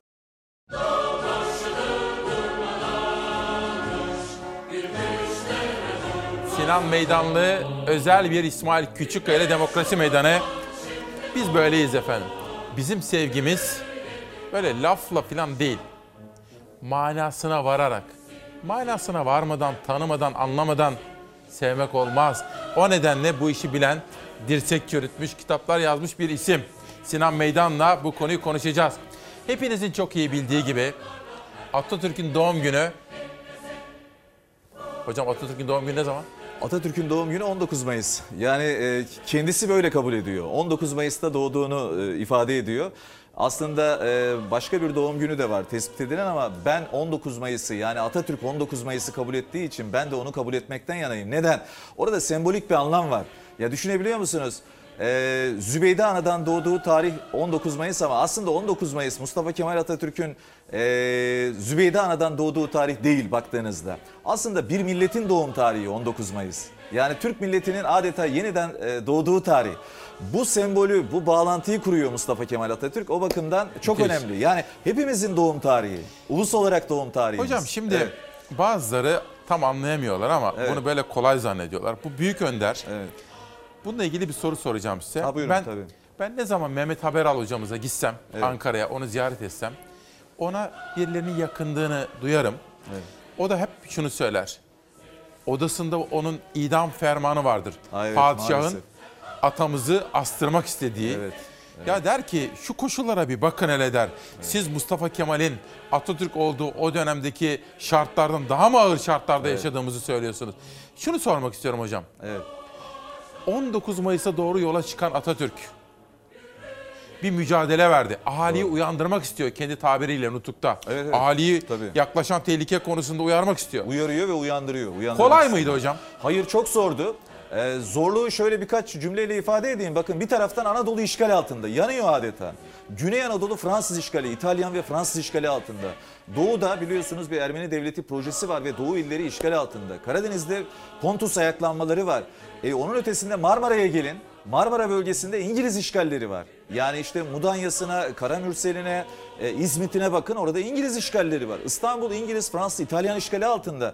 İzmir'e biliyorsunuz 15 Mayıs 1919'da Yunan orduları çıkarıldı. Yani bir taraftan emperyalist işgal devam ediyor. E, öbür taraftan bakıyorsunuz sarayın maalesef kışkırtmaları sonucunda işte idam fermanının yayınlanması. Bakın 11 Nisan 1920 tarihinde biliyorsunuz bir ihanet fetvası yayınlandı. Yani Mustafa Kemal'i katletmek, öldürmek, Kuvayi Milliyecileri katletmek, öldürmek dinen caizdir diye İstanbul Saray Hükümeti'nin Şeyhülislam'ı böyle bir fetva yayınladı. Sarayın onayıyla, padişahın ve sadrazamın onayıyla bu fetva Anadolu'ya atıldı. Bu da yetmedi. Bir ordu kurdular. Adına Hilafet Ordusu dediler. 18 Nisan 1920 tarihi, kuruluş tarihi. Bakın 23 Nisan'a kaç gün var? Yani Ankara'da meclis açılırken İstanbul'da böyle bir ordu kuruldu. Paralı bir ordu ve İzmit'e gönderildi. Bu ordunun görevi neydi? Kuvayi Milliyecileri etkisiz hale getirmek. Şimdi bütün bunlarla bütün bu sarayın e, milli mücadele karşıtlığı sonunda Anadolu'da isyanlar çıktı. İşte Bolu, Gerde, e, Gerede, Hendek, Adapazarı, Yozgat, Konya pek çok yerde isyanlar çıktı. Padişahçı isyanlar. Önce bu isyanları bastırmak zorundaydık e, İsmail Bey. Onun için Mustafa Kemal Atatürk diyor ki o kadar ince bir çizgide hareket ediyorduk ki diyor. Yani yanlış yaptığınızı düşünsenize. Size dinsiz diyorlar. Size vatan haini diyorlar. Sizin öldürülmeniz gerektiğini ifade ediyorlar. Padişaha isyan etti diyorlar. Bolşevik diyorlar. Bütün bunlara karşı mücadele ederken ne yapıyorsunuz? Bak görüntülere bak. Öyle olmadığınızı anlatmanız lazım. İşte Türkiye Büyük Millet Meclisi'nin açılışını düşünün. Dualarla açıldı biliyorsunuz. İşte dinsel törenler yapıldı. Hacı Bayram'a gittiler, Hacı Bayram'a ettiler. gidildi. Kurbanlar kesildi. Tabii bunun bir anlamı var. Nedir bunun anlamı? Mustafa Kemal Atatürk Nutuk'ta anlatıyor. Bakın daha bir iki hafta önce saray hükümetinin fetvalarıyla dinsiz zındık ilan edilmişti bu insanlar. Burada şunu anlatmaya çalışıyorlar. Biz dinsiz falan değiliz. Dinimiz için, vatanımız için mücadele ediyoruz. Onun için meclis bu şekilde açıldı. Ve Mustafa Kemal Nutuk'ta diyor ki Ne diyor? hata yaparsak diyor eğer padişaha karşı olduğumuzu söylersek, halifeye karşı olduğumuzu söylersek bu müca- mücadeleyi başarıya ulaşamaz, ulaştıramazdık diyor. Onun için diyor ben diyor belirli bir aşamaya kadar padişahın da halifenin de padişah aynı zamanda halife biliyorsun. ihanetini bilmemize rağmen sadece ben değil Ankara'daki pek çok kişi bunu bilmemize rağmen belli bir noktaya kadar diyor bunu söylemedik. İkinci bir strateji daha var İsmail Bey o da, o da şu İngiltere'ye Fransa'ya karşı diyor mücadele edilmeyeceğine inanıyordu. Toplumun büyük bir kesimi. Peki. Onun için diyor İngiltere'yi Fransa'yı doğrudan karşınıza alarak mücadele edemezdiniz diyor. Ne yaptık? Belli stratejileri izledik. Yunanistan'ı işte doğrudan doğruya karşıya alıyorlar. Ama İngiltere ile Fransa ile ne yapıyor Mustafa Kemal Paşa? E, İlk fırsatta diplomatik girişimlerde bulunarak hatta- o cepheyi daraltıyor. Tabii hatta Hikmet Özdemir'in kitaplarında da vardır. Evet. Detaylı be- belgeler vardır. Tabii ki. Hatta Amerikalılarla gizli görüşmeler yapıyor, Ruslarla Tabii görüşüyor. İtalyanlarla yapılmıştır. Herkesle Sovyet, görüşüyor. Sovyet Rusya biliyorsunuz büyük bir dost olarak e, t- t- yanına Yardım çekmiştir. ediyor bize. Yanına çekmiştir. Tabii. Yani bir taraftan karşı cepheyi daraltırken diğer cephe, taraftan kendi cephesini genişletiyor. Bir şey diyeceğim. Evet. Bu büyük adam aynı zamanda yani tabii ki büyük asker. Evet. Dünya tarihinin gördüğü en büyük askeri dehalardan biri. Ama hocam ne muazzam bir diplomatik deha değil mi ya? Ya kuşkusuz bakın Kurtuluş Savaşı'nı biz sadece askeri stratejilerle açıklayamayız. Kurtuluş Savaşı'nın sivil stratejileri, Kurtuluş Savaşı'nın diplomasisi en az askeri stratejiler kadar önemlidir. Az önce ifade ettik bakın. Bir taraftan İngiltere'yi, Fransa'yı, İtalya'yı doğrudan doğruya karşıya almadan ki onlar da işgalci. Ne yapıyorsunuz? Diplomatik görüşmeler yürütüyorsunuz bir kanaldan. Ama diğer kanaldan ne yapıyorsunuz? Yunanistan'ı doğrudan doğruya karşınıza almış durumdasınız. Onunla savaş halindesiniz. Mesela Türkiye ne yaptı? Atatürk ne yaptı? Fransa büyük bir işg- e, işgalci olarak, düşman olarak karşımıza çıkmıştı Kurtuluş Savaşı'nın başlarında. Ne yaptık biz? E, Sakarya Savaşı'ndan sonra Fransa ile anlaşmayı başardık. Ve Fransa'yı yanımıza çektik. Düşünebiliyor musunuz? İngiltere, Fransa, İtalya cephesini daralttık. İtalya ile anlaştık. İtalya'yı yanımıza çektik. Hatta onlar giderken silahlarının, cephanelerinin bir kısmını aldık. E, İngiltere'yi Yunanistan'la baş başa bıraktık. Yani gittikçe Muazzam. oradaki cepheyi daraltıyor. Diplomatik hamleler. Bunu yaparken ne yapıyor? Sovyet Rusya'ya diplomatik te- e, temsilciler gönderiyor ve Sovyet Rusya ile yakınlaşıyor. Sovyet Rusya'dan alınan silah ve cephanenin Kurtuluş Savaşı'ndaki rolü büyüktür. Muazzam. İsmail Peki. Bey bu da yetmedi. Bir cümle daha. Evet. Hindistan'da Gandhi ile kurulan diyalog var. Hindistan'da, Hindistan'daki direnişçiler, Hindistan'ın otonomi isteyen, bu amaçla ayaklanan direnişçileriyle Mustafa Kemal'in iletişime geçtiğini ve Hindistan Müslümanlarının ve bağımsızlıkçı Hinduların bize destek verdiklerini görüyoruz. Bakın ta dünyanın öbür tarafında yani küresel bir etki yaratmış. Ve bu küresel Muazzam. etkiyle zafere ulaşmış. Şimdi Hatice Hanım diyor ki benim babam cezaevinde bugün benim doğum günüm. Bugün atamızın da doğum günüymüş. Ben yeni öğrendim diyor. Ve babamın da bir Atatürkçüdür. Bayramını kutluyorum diyor. Ben de bu vesileyle hem hastalarımıza, sonra yurt dışındaki gurbetçilerimize, sonra cezaevinde olup da işte evlatlarıyla mesela Hatice Hanım'la, aileleriyle, sevdikleriyle kavuşmayı bekleyen kader mahkumlarına da bayramınız kutlu olsun diyelim. Şunu da unutmuyoruz. Ben şahsen atamıza karşı mahcubum. Şundan dolayı. Kendim bireysel olarak ve ailemiz elimizden gelen çabayı göstersek de ona layık olmak için. Ama bütünüyle tabloya baktığımız zaman gençlerimiz onların bugün geldiği nokta itibariyle baktığım zaman ben kendimi atamıza karşı hepimiz adına mahcup hissediyorum. İmkanların kısıtlı değil hiç olmadığını düşünüyorum. Yani yurt dışı tabii ki. Neden? Liseden mezun oldu öğrenci. Üniversiteye girdi. Üniversiteye girdikten sonra da yani bakıyor yurt, Türkiye'de ne kadar kazanabilirim? Bir yurt dışındaki bir öğrenciye bakıyor. Bir de kendine kıyaslıyor ikisini. Arada uçurum olduğunu da görüyor. Bir araştırmaya göre her üç gençten biri işsiz. Bir diğeri gençlerin ya işsiz olduğunu ya da asgari ücretle çalıştığını söylüyor. Bir diğer araştırmanın ise gençlerin artık daha mutsuz olduğunu söylemesi. Hal böyle olunca sürpriz olmuyor. 19 Mayıs Atatürk'ü anma Gençlik ve Spor Bayramı'na yaklaşırken yayınlanan araştırma raporları adeta birbirini tamamlıyor. Çoğu insan çalıştığının karşılığını alamıyor. Yaşam şartları falan da çok zor. Bir genç olarak benim için kariyer açısından fırsatlar ve olanaklar açısından e, yurt dışının daha iyi olduğunu e, düşünüyorum. Genç İşsizler Platformu'nun açıkladığı son araştırmaya göre her 3 gençten biri işsiz. Araştırmaya göre geniş tanımlı genç işsiz oranı %30,3. Yeni değil, genç işsizlikte oran %30'un üzerine 3 yıl önce 2019'da çıktı. 15-34 yaş grubu toplam genç işsiz sayısı 2 milyon 287 bin, geniş tanımlı genç işsiz sayısı ise 3 milyon 584 bin. Mezun olduğumuz seneden bir işe başlamak bir mucize oluyor. Biz e, üniversitelere gayet mutlu bir şekilde giriyoruz fakat işte son iki senemiz özellikle iş kaygısıyla geçiyor. E, sonra genç beyinler yurt dışına gittiği zaman e, ülkede problem haline geliyor. Türkiye Devrimci İşçi Sendikaları Konfederasyonu Araştırma Merkezi Diskarsa işsizliğin gençlikteki yaygınlığını vurguluyor. İş bulan gençlerin ise büyük ölçüde asgari ücret seviyesinde kazandığını söylüyor. Araştırmaya göre genç işsizliği Türkiye'de dünya ortalamasının üzerinde. Araştırmalar gençlerde 3 kişiden biri işsiz derken genç kadınlarda durumun daha vahim olduğunu ortaya koyuyor. Her iki genç kadından biri işsiz. G7 ülkeleri, OECD ülkeleri veya Avrupa Birliği ortalamasıyla kıyaslandığında Türkiye'deki genç işsizliği oranı çok daha yüksek. Diskar'a göre gençler iş bulamıyor. Bulabilen azınlık kesimse asgari ücretin üzerine çıkamıyor. Çoğu iş yerleri üniversite mezunlarını e, direkt almayı tercih etmiyor. Mesela bu büyük bir mutsuzluk sebebi olabilir üniversite mezunları için. Başka bir işi yapmaya çalıştığım zaman Kısacası mutsuz olurum çünkü herkes mutlu olduğu iş yapmak ister. Hal böyleyken gençlerin geçen yıllara oranla daha mutsuz olduğuna dair veriler şaşırtmıyor. TÜİK açıkladı. İstatistiklerle Gençlik 2021 verilerine göre 18-24 yaş grubunda mutsuz olduğunu belirtenlerin oranı son 5 yılın en yüksek seviyesine çıktı. 2017'de mutsuz olduğunu söyleyen gençlerin oranı %8,8'di. 2021'de bu oran %20,4'e ulaştı. Buna göre her 5 gençten biri mutsuz. Genç kadınlarsa daha mutsuz. 18-24 yaş arası mutlu olduğunu söyleyen kadınların oranı 2017'de %67,4'tü. Bu oran 2021 yılında %16,4 düşerek %51'e geriledi. Üniversiteyi bitirdikten sonra direkt bir işe atanacağımı düşünüyordum.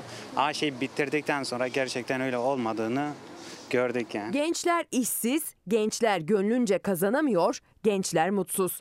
Atatürk'ü andığımız, gençliği kutladığımız günde gözler gençlerin üzerinde. Cumhuriyeti gençlere emanet etti Ulu Önder Mustafa Kemal Atatürk. Bu manevi emanetin sorumluluğu da hafif değil, verdiği onur da. Ve gençlerin omuzlarındaki yükler her geçen gün daha da ağırlaşıyor. Gençlerimizin durumu. Gökhan Özcan diyor ki günaydın. Elazığ Şehir Hastanesi Koroner Yoğun Bakım Servisinde çalışanlara selam söyler misiniz? Bayramımız kutlu olsun. Ayrıca bir çalar saat annesi Tahire Çelik. Ona da geçmişler olsun diyelim. Osman, ben AK Partili değilim artık ama reisçiyim hala. Atatürk Havalimanı konusunda ben de üzüntülüyüm, kırgınım diyor. Böyle. Ben daha AK Partili olup da bu Atatürk Havalimanı yıkılsın diye sevineni görmedim. Olamaz. Yani bunun AK Partilisi, MHP'lisi, CHP'lisi olmaz. Çünkü biliyor musunuz? Dün tahmini bir rakam söylemiştim. O pist var ya. En az 150, 200, 250 milyon dolar. Altında 6 metre, 7 metre, Yazık, tabii. 8 metre beton oluyor onun biliyor musun? Dünyanın en pahalı işlerinden birisidir. İnsanın gönlü el vermez o pisti yıkmaya ya. Hocam, Evet. muazzam bilgiler, muazzam mesajlar geliyor. Teşekkür ediyorum Ben öncelikle. teşekkür ederim. Sağ olun. Şimdi atamız bu dünyaya çok genç yaşta veda etti. Maalesef. Düşünsenize. Evet. Şimdi bu büyük insan Türkiye'yi kaç sene yönetti? Ya 15 yıl. 15, yıl. evet. Bak Tabii. ülkeyi kuran, Evet. adını veren büyük lider sadece 15 yıl yönetti. 15 Evet. yıla sığdırdı bunları. Ve sonra sona doğru giderken en son 19 Mayıs mesela diye sorsam. Evet çok ilginç bakın o bağlantıyla e, belki bitirebiliriz. E, şimdi 19 Mayıs 1919'un anlamını konuştuk. Amaç neydi? Temel hedef neydi? Vatanı bağımsızlığa kavuşturmak. Amaca ulaşıldı değil mi? Yani 1922'nin sonunda bağımsızlığı elde ettik. Fakat e, İsmail Bey, e, Mustafa Kemal Atatürk'ün e, içinde bir ukde var. 1930'lu yılların sonunda yine bağımsızlıkla ilgili bir mesele var. Hatay meselesi. Bakın Hatay'ı bir türlü ana vatana bağlayamadık. Yani Lozan e, sürecinde olsun, daha sonraki süreçte olsun.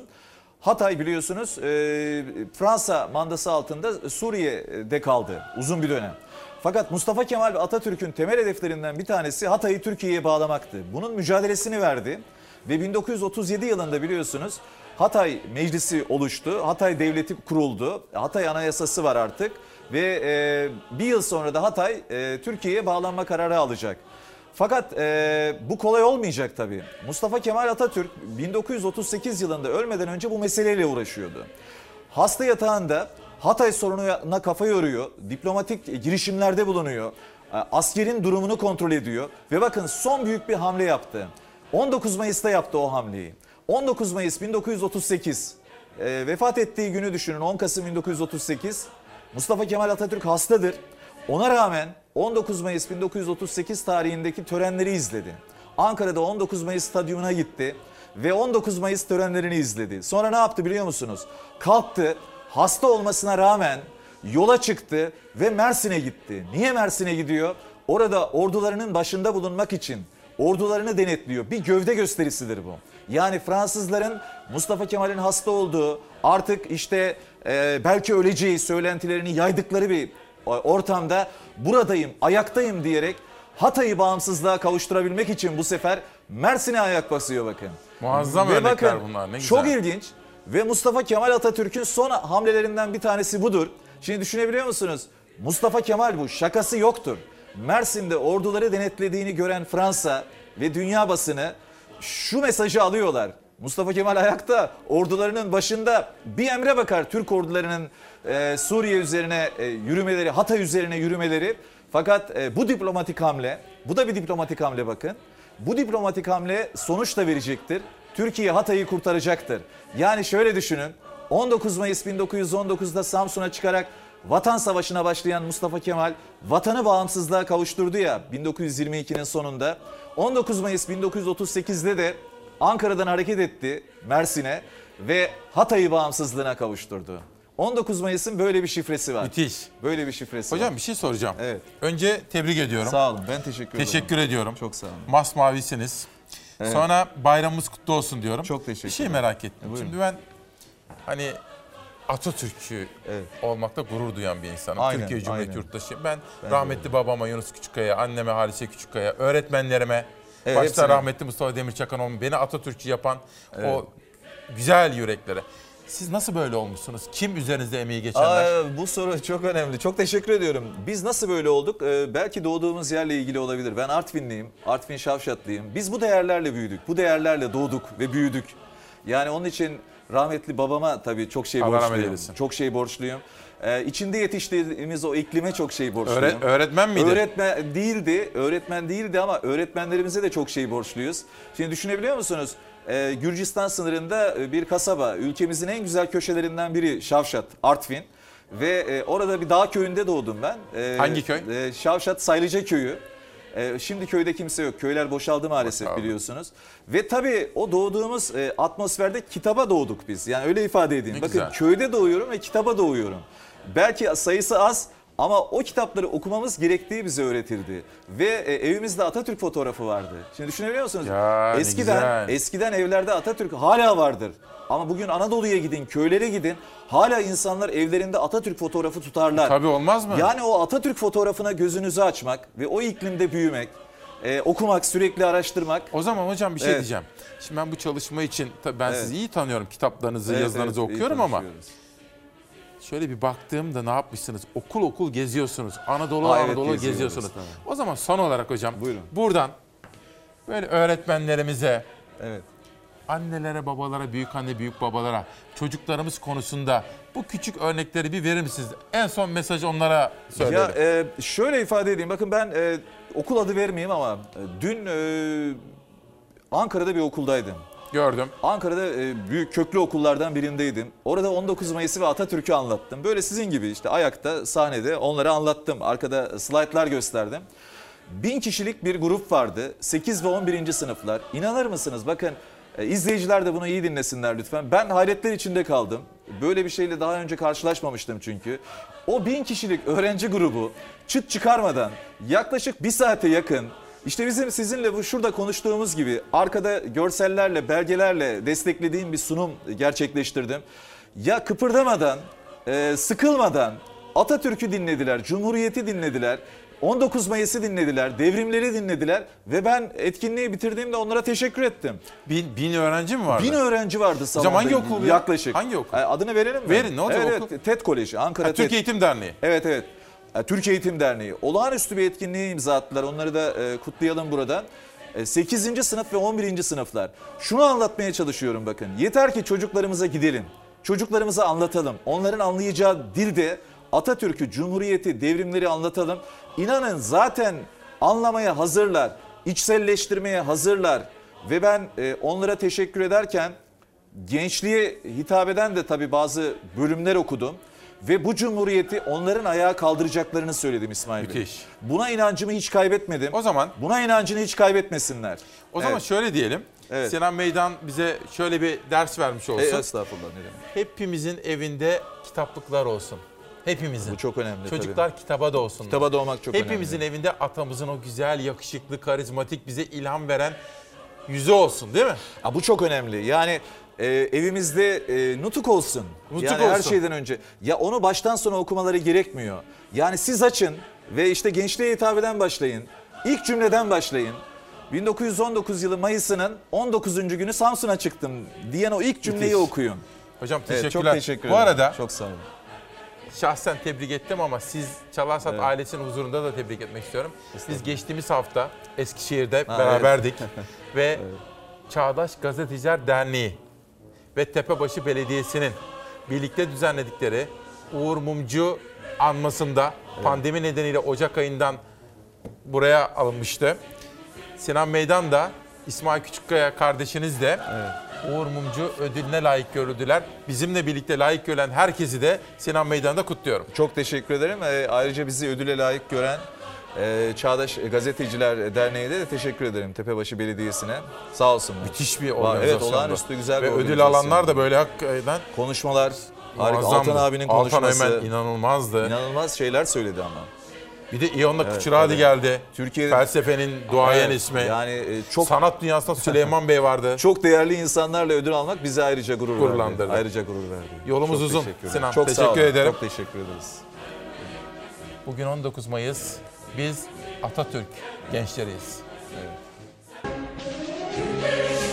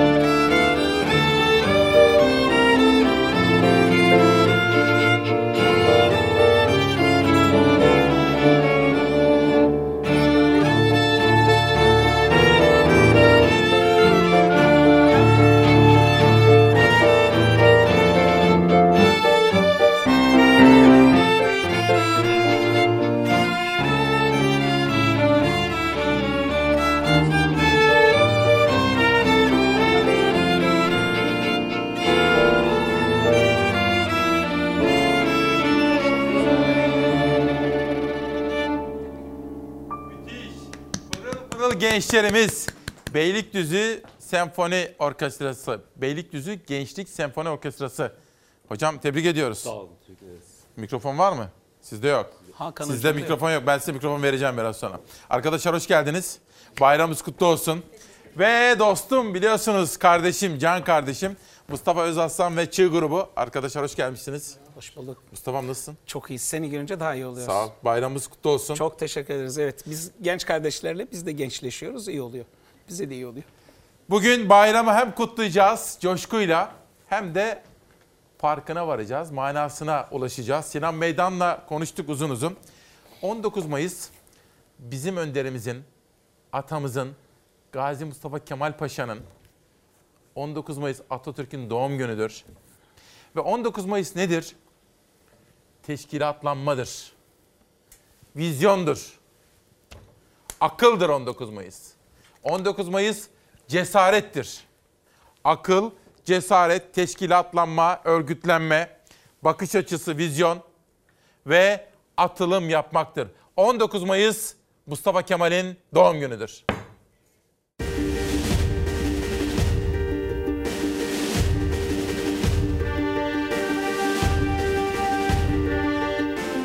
Anadolu'da işgalcilerin hakimiyetinin sürdüğü milletin umutlarının tükendiği bir anda umudun ateşi 19 Mayıs 1919'da Samsun'da yakıldı. Bir kıvılcım olarak başlayan o ateş istiklal aşkıyla yanıp tutuşan Türk milletinin yüreğine düştü. Bağımsızlık yolunda atılan ilk adımla bir millet yeniden ayağa kalktı. 1918'in sonlarında 4 yıl süren savaşın ardından Osmanlı Devleti Almanya'nın yanında girdiği 1. Dünya Savaşı'ndan mağlup ayrıldı. Mondros Anlaşması'na imza attı. Tüm yeraltı kaynaklarının kullanım haklarını ve ordu üzerindeki emir haklarını itilaf devletlerine verdi.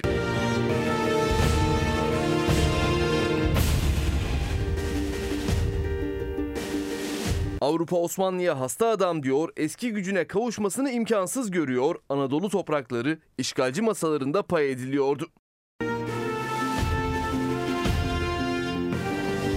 Galip devletler işgal planını hazırlayıp hemen yürürlüğe de koydu. İzmir'i Yunanlar, Adana ve Maraş'ı Fransızlar, Antalya ve Konya'yı İtalyanlar, Antep, Samsun ve İstanbul'u İngilizler işgal etti.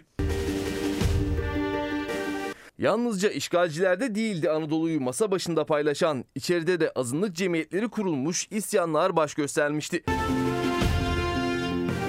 Samsun'da Rum çeteleri ve Türkler arasında çatışmalar çıkmıştı. Osmanlı hükümeti Mustafa Kemal'i 9. Ordu müfettişi olarak görevlendirdi.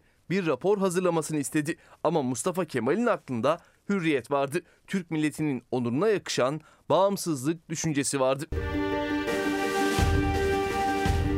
16 Mayıs günü Bandırma vapuruna bindi Mustafa Kemal. 3 günlük zorlu yolculuğun ardından 19 Mayıs'ta Samsun'a ayak bastı. Kısa sürede çatışmaların sebeplerini araştırdı ve işgalcilerle savaşmaktan başka bir çare olmadığını gördü.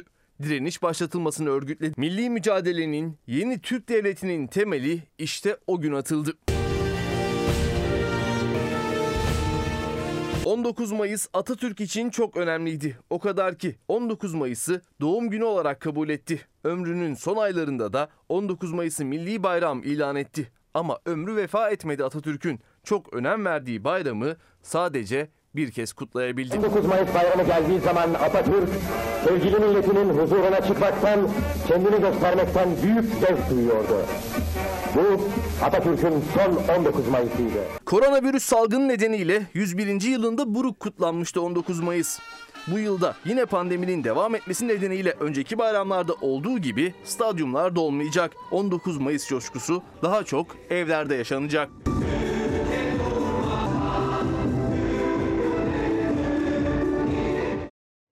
Bugün bayram biraz sonra Beylikdüzü Gençlik Senfoni Orke- Orkestrası ve Mustafa Özaslan ve Çığ'la birlikte olağanüstü eserler ve yorumlar dinleyeceğiz ama önce Atatürk Havalimanı'na o dozerler, beton kırma makineleri neden girdi?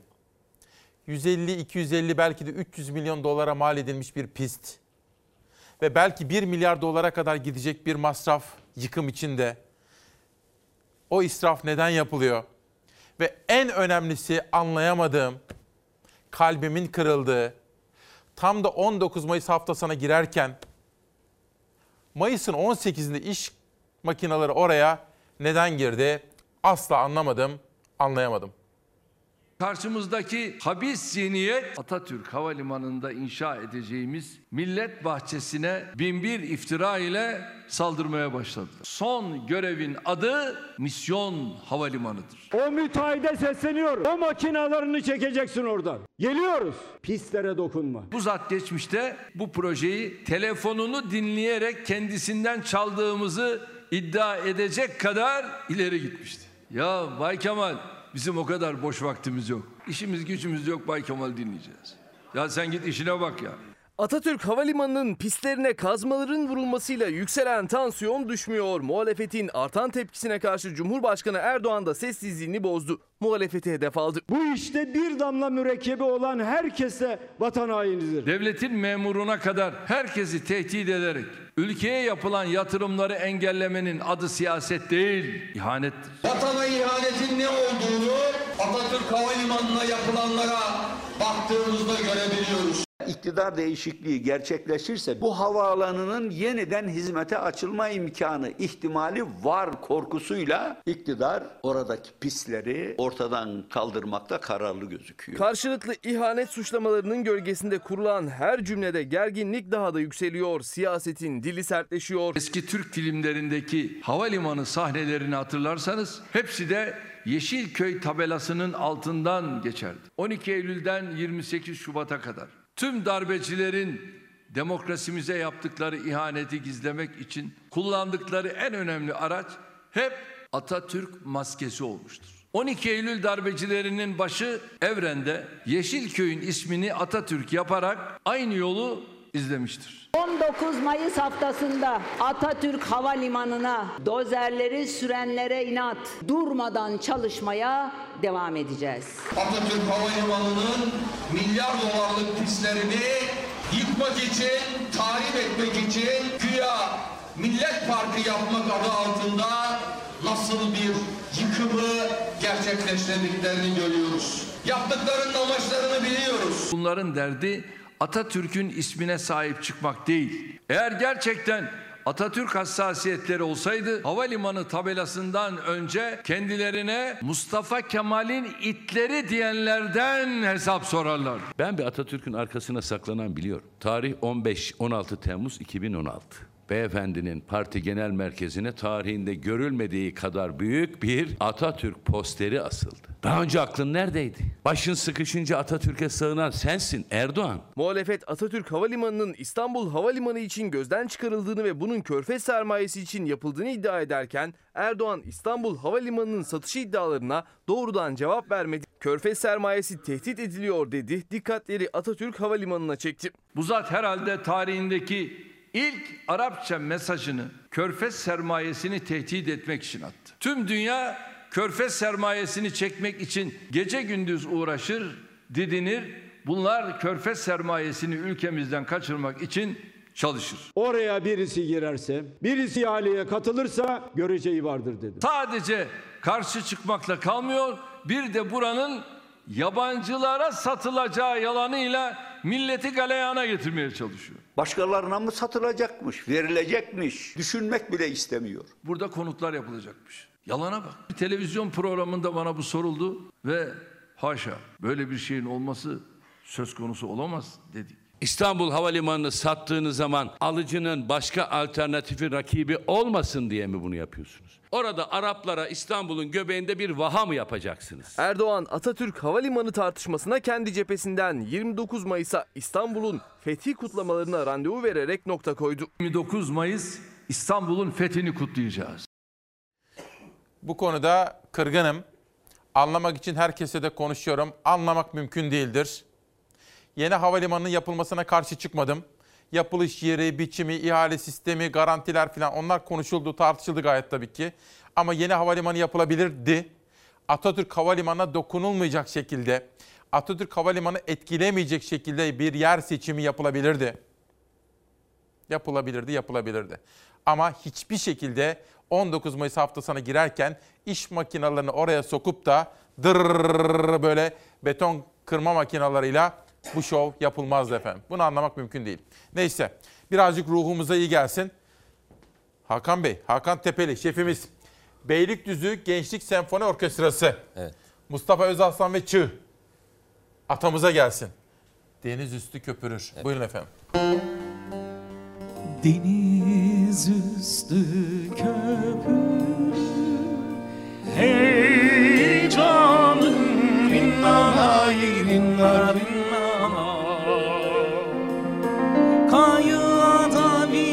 sen götürür.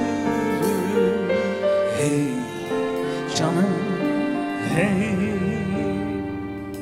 Kayığa da binsen götürür. Hey canım hey. Benim de bu dünyaya gelişim. Hey canım not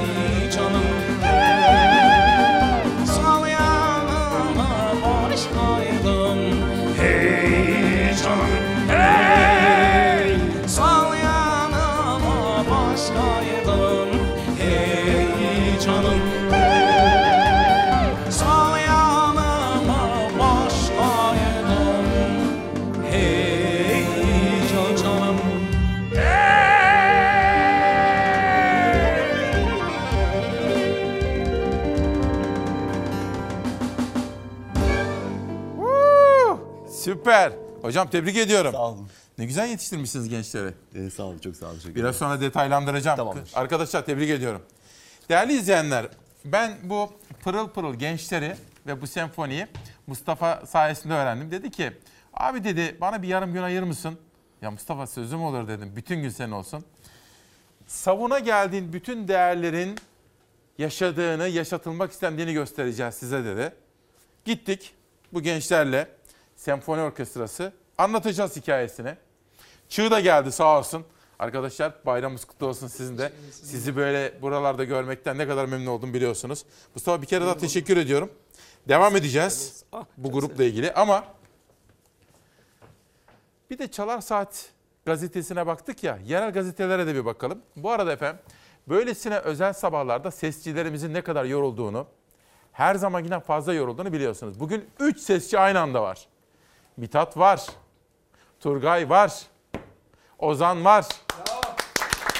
Çok zor değil mi ya? Çok çok. Vallahi bu kadar hızlı, bu kadar seri ve bu Canlı kadar yayında başarılı. sizden önce de başka konuklar da vardı biliyorsunuz. Evet, Bu kadar kalabalık. Biraz sonra da Yıllardır sürprizler var. katılıyoruz ama yani buradaki Muazzam. Üçüne de Muazzam, teşekkür ediyorum. evet. Cansever abimize Savaş'a da. Şimdi bakın bugün Bursa Olay Gazetesi bütün ümidim gençliktedir manşetiyle çıkmış. Karadeniz gazetesi gençlere selam olsun diyor. Vatanımızı korumak boynumuzun borcu. Memleketimden bir gazete Kütahya Ekspres 19 Mayıs Atatürk Anma Gençlik ve Spor Bayramı kutlu olsun diyor. Atamızın bir sözüne yer veriyor. Son Söz gazetesi Malatya'da Malatya'da 7 mahalle göçmen kaydına kapatıldı. Nüfusun %25'ini aştılar diyor. Göç İdaresi Başkanlığı'nın vermiş olduğu rakamlar. Batman gazetesi ve bakın İşkur listeleri AK Parti'den gidiyor diyor. Dün programımıza katılmıştı Mehmet Emin Ekmen yaptığı açıklamalarla gündem olmuştu. Urfa gazetesi Urfanatik her şey dört başı beş katı olmuş hayat pahalılığı birinci sayfada manşet olarak yer almış durumda. Merhaba bu devran böyle gitmez diyor Konya. Köylünün, üreticinin, besicinin manşetleri. Köylü demişken, çiftçi demişken doluyla ilgili hazırladığımız bir haber.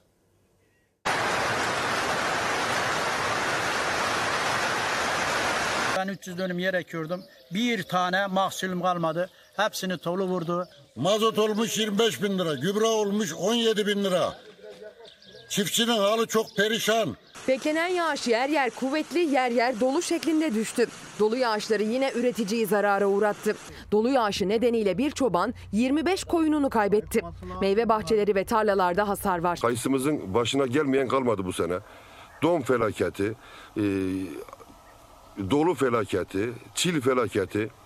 Yani genel olarak Doğu Mahallesi'ni hesaplarsak yüzde 60 yüzde 70'lerde e, hasar var. Osmaniye'nin Kadirli ilçesinde etkili olan dolu yağışı binlerce dönüm ekili alanı etkilerken çiftçi milyonlarca lira zarara uğradı. Tarlada ne mısır kaldı ne buğday. Üstelik ilk ekimde don vurduğu için tarlayı bozup ikinci ekim yapmıştı çiftçi. Birinciye don vurdu, öldürdü. İkinciye ektik. İkinciye de dolu vurdu. Bu AK Parti milletvekilleri nerede? 20 yıldır oy veriyoruz, oy. Köyümüzün afet belgesi olmasını ilan ediyoruz. Ziraat Bankası, ziraat odaları, ondan sonra ziraat dairesi bunlar gelip bizim derdimize bir çare bulsun. Siyasi liderlerden, yetkililerden destek bekliyoruz. 25 tane hayvanım telef oldu. Kadirli'nin Tozlu köyünde doluya hayvan otlatırken yakalanan çobansa altına saklanacak bir yer bulamadı. 25 koyun dolu darbeleriyle öldü. Çoban Hasan Terkeşli kendini zor kurtardı. Yağmurun birden bastırması, arkadan toluya çevirmesi ve e, saklanacak, korunacak bir yer bulamadığım için yumurta büyüklüğündeki tolların koyunlarıma ve benim üzerime vurması hayvanlarımı bu hale getirdi. Devletimizden yardım bekliyoruz. Malatya'daysa kayısı üreticisi destek talep etti. Kayısı üretiminin en yoğun olduğu ilçelerden Akçadağ'da resmi tespitlere göre 300 bin ağaç hasar gördü doludan. Ama çiftçi gerçek hasarın daha fazla olduğunu söylüyor. İlçede Nisan ayında 1200 rakımın altındaki ağaçları don vurmuştu. Son dolu zararı ise 1200 rakımın üzerindekileri etkiledi. Malatyalı kayısı üreticisi destek talep etti. Çiftçilerimiz kaldıracak durumda değil. Bunu kaldırabilmeleri için e, borçların tarım kredi ve e, resmi bankalarda olsun, özel bankalarda olsun faizsiz olarak ertelenmesi ve alan bazlı desteğin de çiftçilerimize sağlanması gerekiyor. Çiftçimizin bu acı durumuna bir el atsınlar. Tarım ve üretime dair bu haberi Ezgi Gözeger hazırladı. Ezgi'nin dışında Zeray Kınacı editörüm. Zafer Söken ve Beyza Gözeyik haberler hazırladı. Nihal Kemaloğlu'yla bugünkü gündemi çalıştık. Ve biraz sonra diğer ekip arkadaşlarıma da tek tek sizlere anlatmak istiyorum. Zeybekler diyeceğim ama önce hazır sözü sanattan da açmışken Ankara'da bugün önemsediğim bir etkinlik var. Adı İlk Adım. Bugün açılıyor ve 50 değerli ressamın eserleri sergilenecek Ankara'da. Bugün açılıyor Port Art Sanat Galerisi'nde Portakal Çiçeği'nde ve aynı zamanda bu serginin açılışı için Devlet Devrim Öztaş piyano resitali ile bir konserle müzik severleri ve aynı zamanda sanat severleri, resim severleri de davet ediyorlar. Bunu da mutlaka Ankara'ya gittiğim zaman ziyaret edeceğimi ifade etmek istiyorum. Şimdi Hakan Tepeli, Beylikdüzü Gençlik Senfoni Orkestrası, Mustafa Özaslan ve Çığ. Zeybekler mi diyeceğiz? Evet Atatürk'ün sevdiği zeybeklerden bir potpourri yapacağız. Atamıza. Evet, Buyurun. Onları olmayız. Ah bir ataş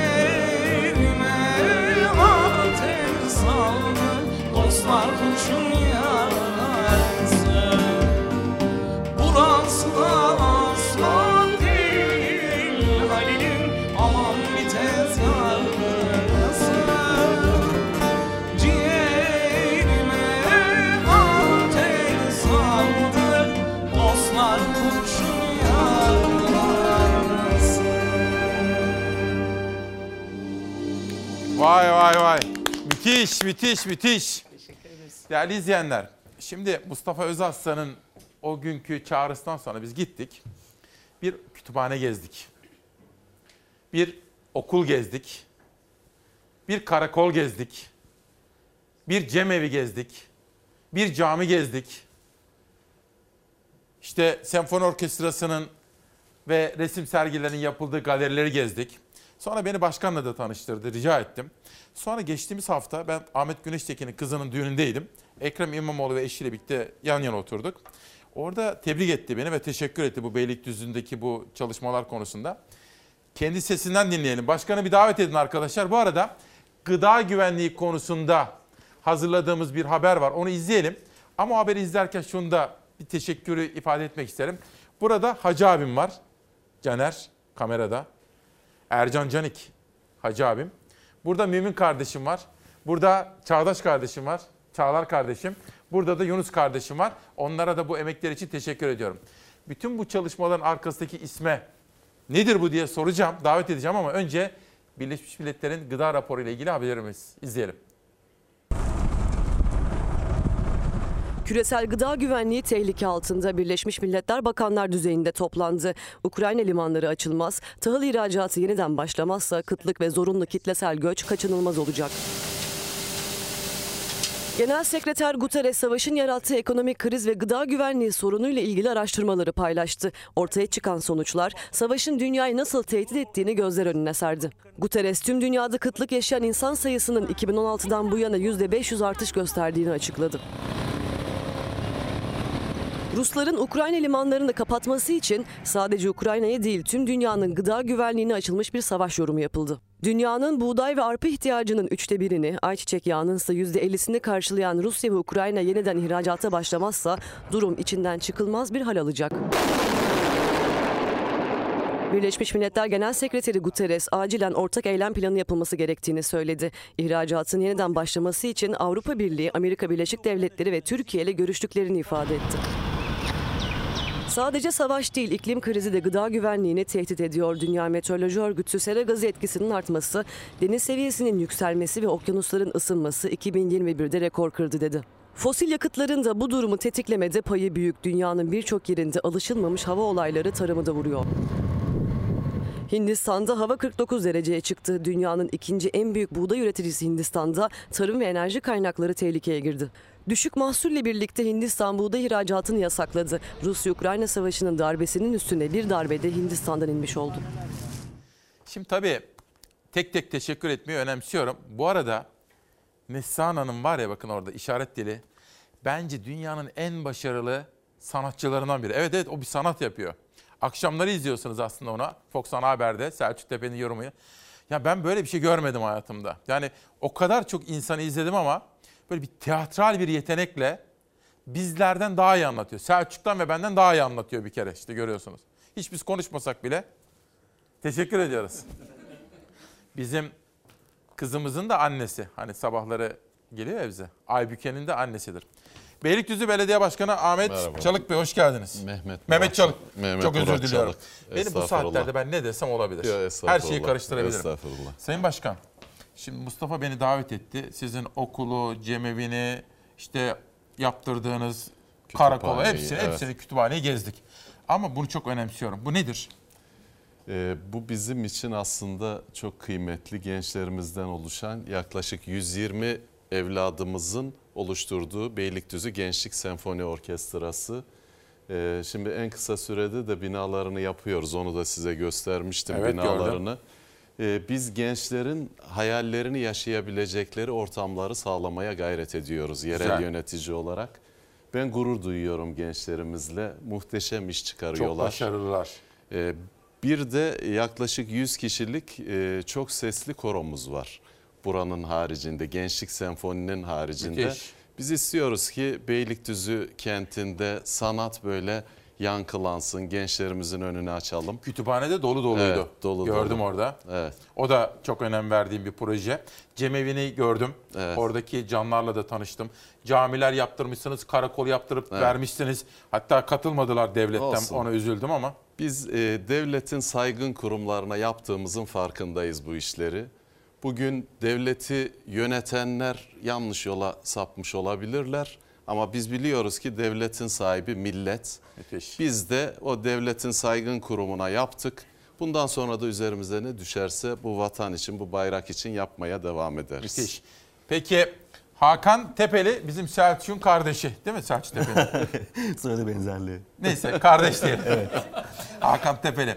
Ee, bu gençleri böyle yetiştirmişsiniz. Teşekkür ediyoruz. Çok Başkandan bir isteğiniz var mı daha ileri Ee, gitmek için? şöyle e, şu an için biz e, Beylikdüzü'nde e, Beylikdüzü Atatürk Kültür ve Sanat Merkezi'nde e, Başkanımız Mehmet Murat Çalık'ın e, destekleriyle e, bugüne nefes yarına umut olmaya devam edeceğiz. Çok güzel.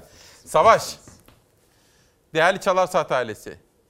Bir gemi hiçbir zaman yalnızca bir gemi değildir. Önemli olan o geminin içindeki yolcudur.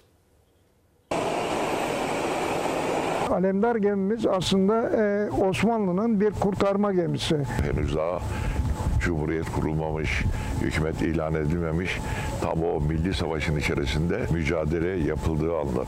Tarihten bugüne kalan bir miras. Kurtuluş Savaşı'nda önemli rol oynayan bir gemi Alemdar. Savaşta deniz çatışmasında tek bulunan gemi ve yine tek deniz şehidinin verildiği gemi. Gazi Alemdar Gemisi Yaptırma ve Yaşatma Derneği ve şu an geminin demirli bulunduğu Karadeniz Ereğli halkının talebi gemiye İstiklal Madalyası verilmesi. kahraman gemidir. İstiklal Savaşımızın sonuna kadar bariyemizin hizmetinde, deniz kuvvetlerimizin hizmetinde görev görmüş. Kurtuluş Savaşı'nda ilk deniz savaşı ve denizde ilk verdiğimiz şehit Recep Yahya'nın olduğu bir olay. Maalesef Türkiye tarihinde arzu edilen yeri almamış vaziyette.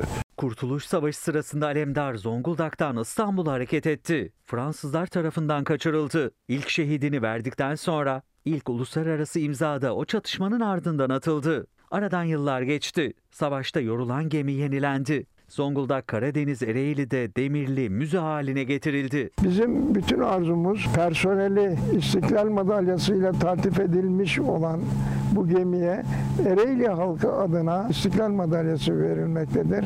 Gazi Alemdar Gemisi Yaptırma ve Yaşatma Derneği 2012 yılında imza topladı. Alemdar'a İstiklal Madalyası verilmesini talep ettiler. Gazi Alemdar'a bir İstiklal Madalyası verilmesi için Zonguldak'ta e, iki CHP'li, üç milletvekilimiz sağ olsunlar ön ayak oldular.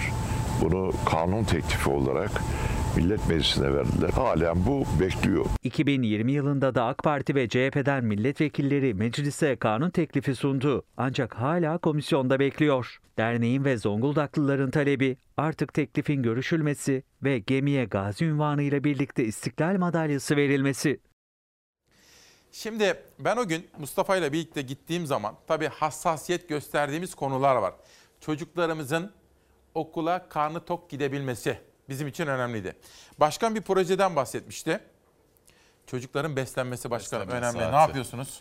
Ee, şimdi biz e, evlatlarımızı geleceğin gençleri olarak görüyoruz çocuklarımızı.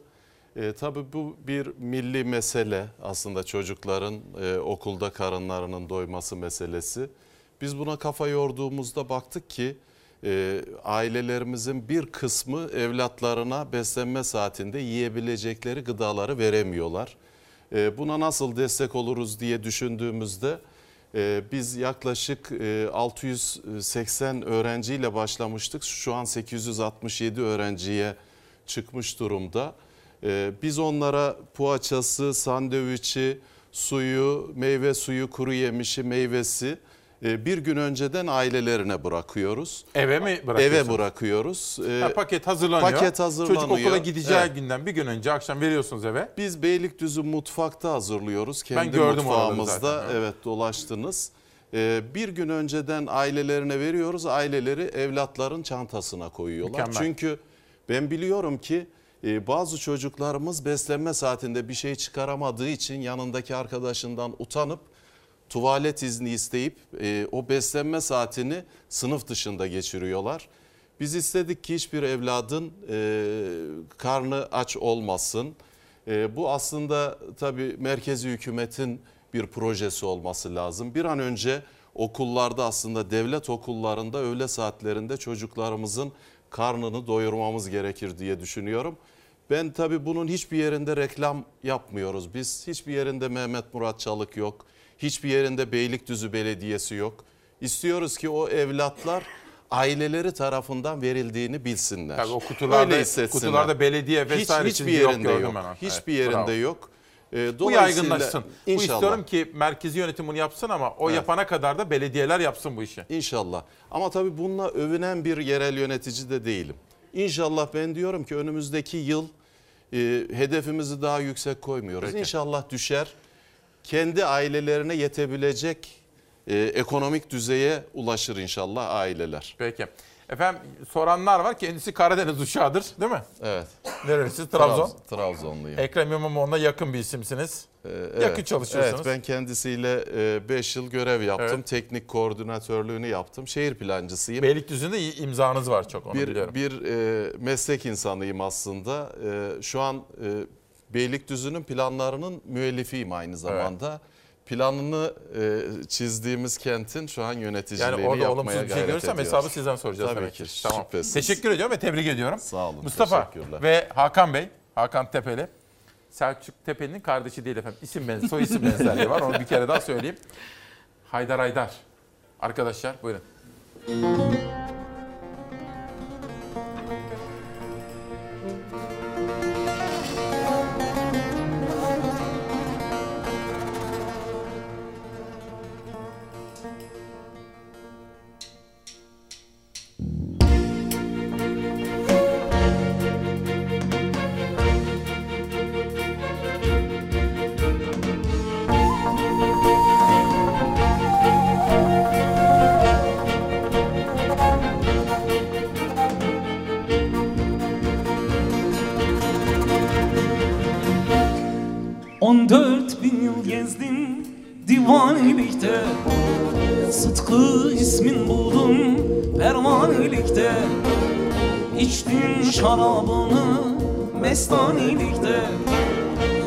Kırkların ceminde dara düş oldum. Kırkların ceminde dara düş oldum. Kırkların ceminde haydar haydar Haydar. Haydar Haydar haydar. Haydar dost Dara düş oldum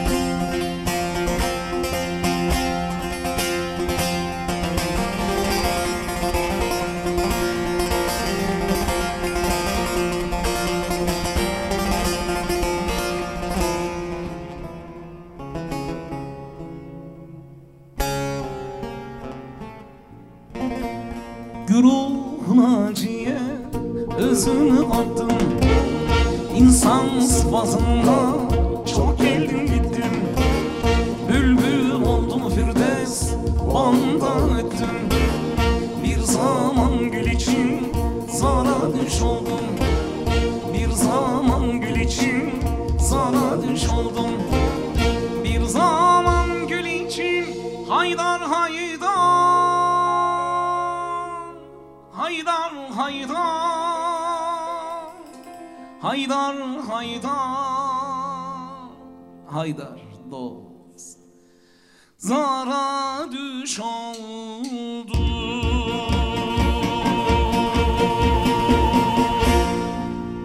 Muazzam, muazzam. Eyvallah. Değerli izleyenler işte böyle. Şimdi sabah 8'den itibaren Sinan Meydan'la başladık. Arkadaşlarımızla birlikte hazırladığımız özel bir buluşma. Bizler severiz ama neden sevdiğimize kafa yorarız. Sevdiğimizi anlamak isteriz. Atamızı, cumhuriyetimizi, bayramımızı anlama çabası içindeyiz. 8 kuşağında ve 9 kuşağında Sinan Meydan vardı. Şimdi de işte böylesine bir sürprizle sizlerin karşınıza çıktık. Ve bakın bu da erken Cumhuriyet döneminde 23 Nisan Çocuk Bayramı Cinali Vakfı'ndan geldi. Yarın İlker Başbuğ geliyor İsmail Küçükkaya Demokrasi Meydanı'na. Bu kitap bugün çıktı. Tabii ki okumadım henüz ama bugün çalışacağım. Mustafa Kemal anlatıyor. Savaş ve Barış İlker Başbuğ'dan. Bütün bunları da sizlerle birlikte paylaşacağım. Tabii çok erken saatlerde yatıp sabahları dört buçukta, bazen beşte kalkmak durumunda olduğum için çok istesem de bazı etkinliklere katılamıyorum. Mesela şu piyano konserini sizlere duyurmuştum.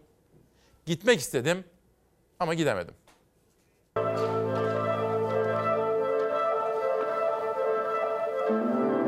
Saz semaisi ile başlıyor. Horon, ağırlama, zeybek, karşılama.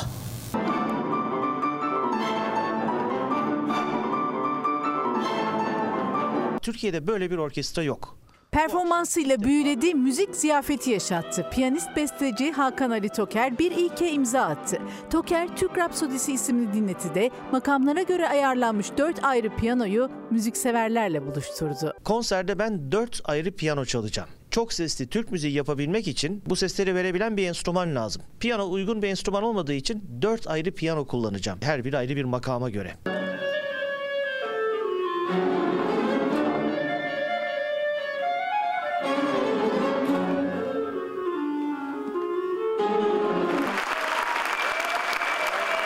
Müzikte devrim yaptı, dakikalarca ayakta alkışlandı. Piyanist besteci Hakan Ali Toker, Cemal Reşit Rey konser salonunda dört piyanoyu birden çaldı. Çaldığı dört piyanonun her biri ayrı bir makama göre akortlanmıştı. Toker'e her biri ustalaşmış hem klasik batı müziği hem de geleneksel Türk müziği çalabilen müzisyenler eşlik etti.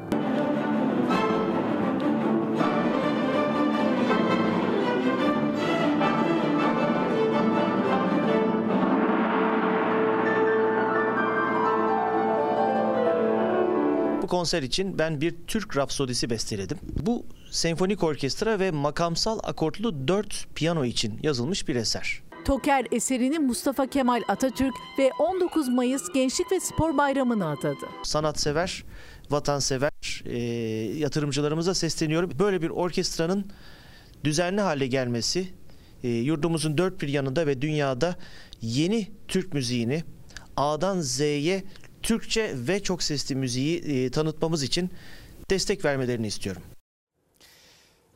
Mehmet Murat Çalık Bey'e, Beylikdüzü Belediye Başkanı teşekkür ediyoruz. Bütün arkadaşlar birlikte bayramınız kutlu olsun diyoruz. Mustafa Özaslan ve Çığa da. Son söz sizin olsun. Ee, Biz e, 19 Mayıs ruhuna da yakışır bir şekilde bir gençlik festivali yapıyoruz. Kırlangıç Gençlik Festivali ilkini bu sene düzenledik. 6 gün boyunca sürüyor.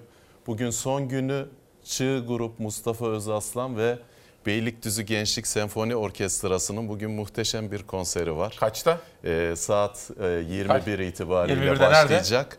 Ee, Yaşam Vadisi'nde Yaşam Ha, Vadisi ikinci gezip etapta görmüştüm. evet Tamam. ikinci etapta sizi de buradan Peki. davet edeyim. Bütün komşularımızı bekliyorum. Teşekkür ederiz. Ben de 19 Mayıs e, Gençlik ve Spor Bayramı'nı herkesin kutluyorum. Peki teşekkürler. Sağ olun. Değerli Teşekkürler. izleyenler biz şimdi konuklarımızı Mehter Marşı ile kabul ettik. İzmir Marşı ile uğurlayacağız. Buyurun Hakan Bey.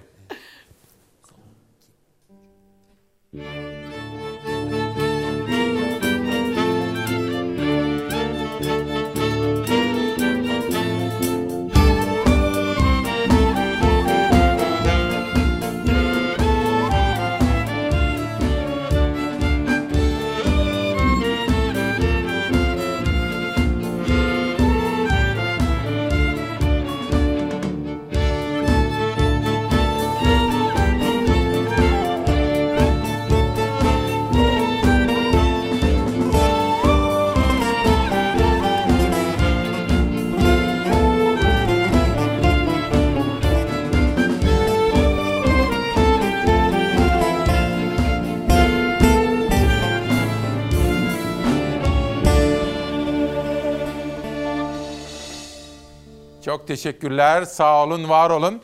Şimdi efendim ben konuklarımı uğurlayacağım. Bugün bir bayram ama önemli bir bayram. Atamızın Samsun'a çıktığı gün, milli mücadele ateşini yaktığı gün ve o yolun sonunda Mustafa Kemal Atatürk olacaktır. Dağılmakta olan bir imparatorluktan, küllerinden Zümrüt-i Anka kuşu gibi Türkiye Cumhuriyeti kurulacaktır. Ben ve sizler o gün itibariyle bir padişahın kulu olmaktan kurtulacağız. Bir cumhuriyetin eşit haklara sahip birer yurttaşı olacağız. Atamız bize bunu armağan etti. Özellikle kadınlar kadın erkek eşitliğinin ve medeni kanunun kıymetini bildikleri için atamıza sımsıkı sarılırlar. Ben konuklarımı uğurlayacağım. Vedalaşmak üzere huzurlarınıza döneceğim.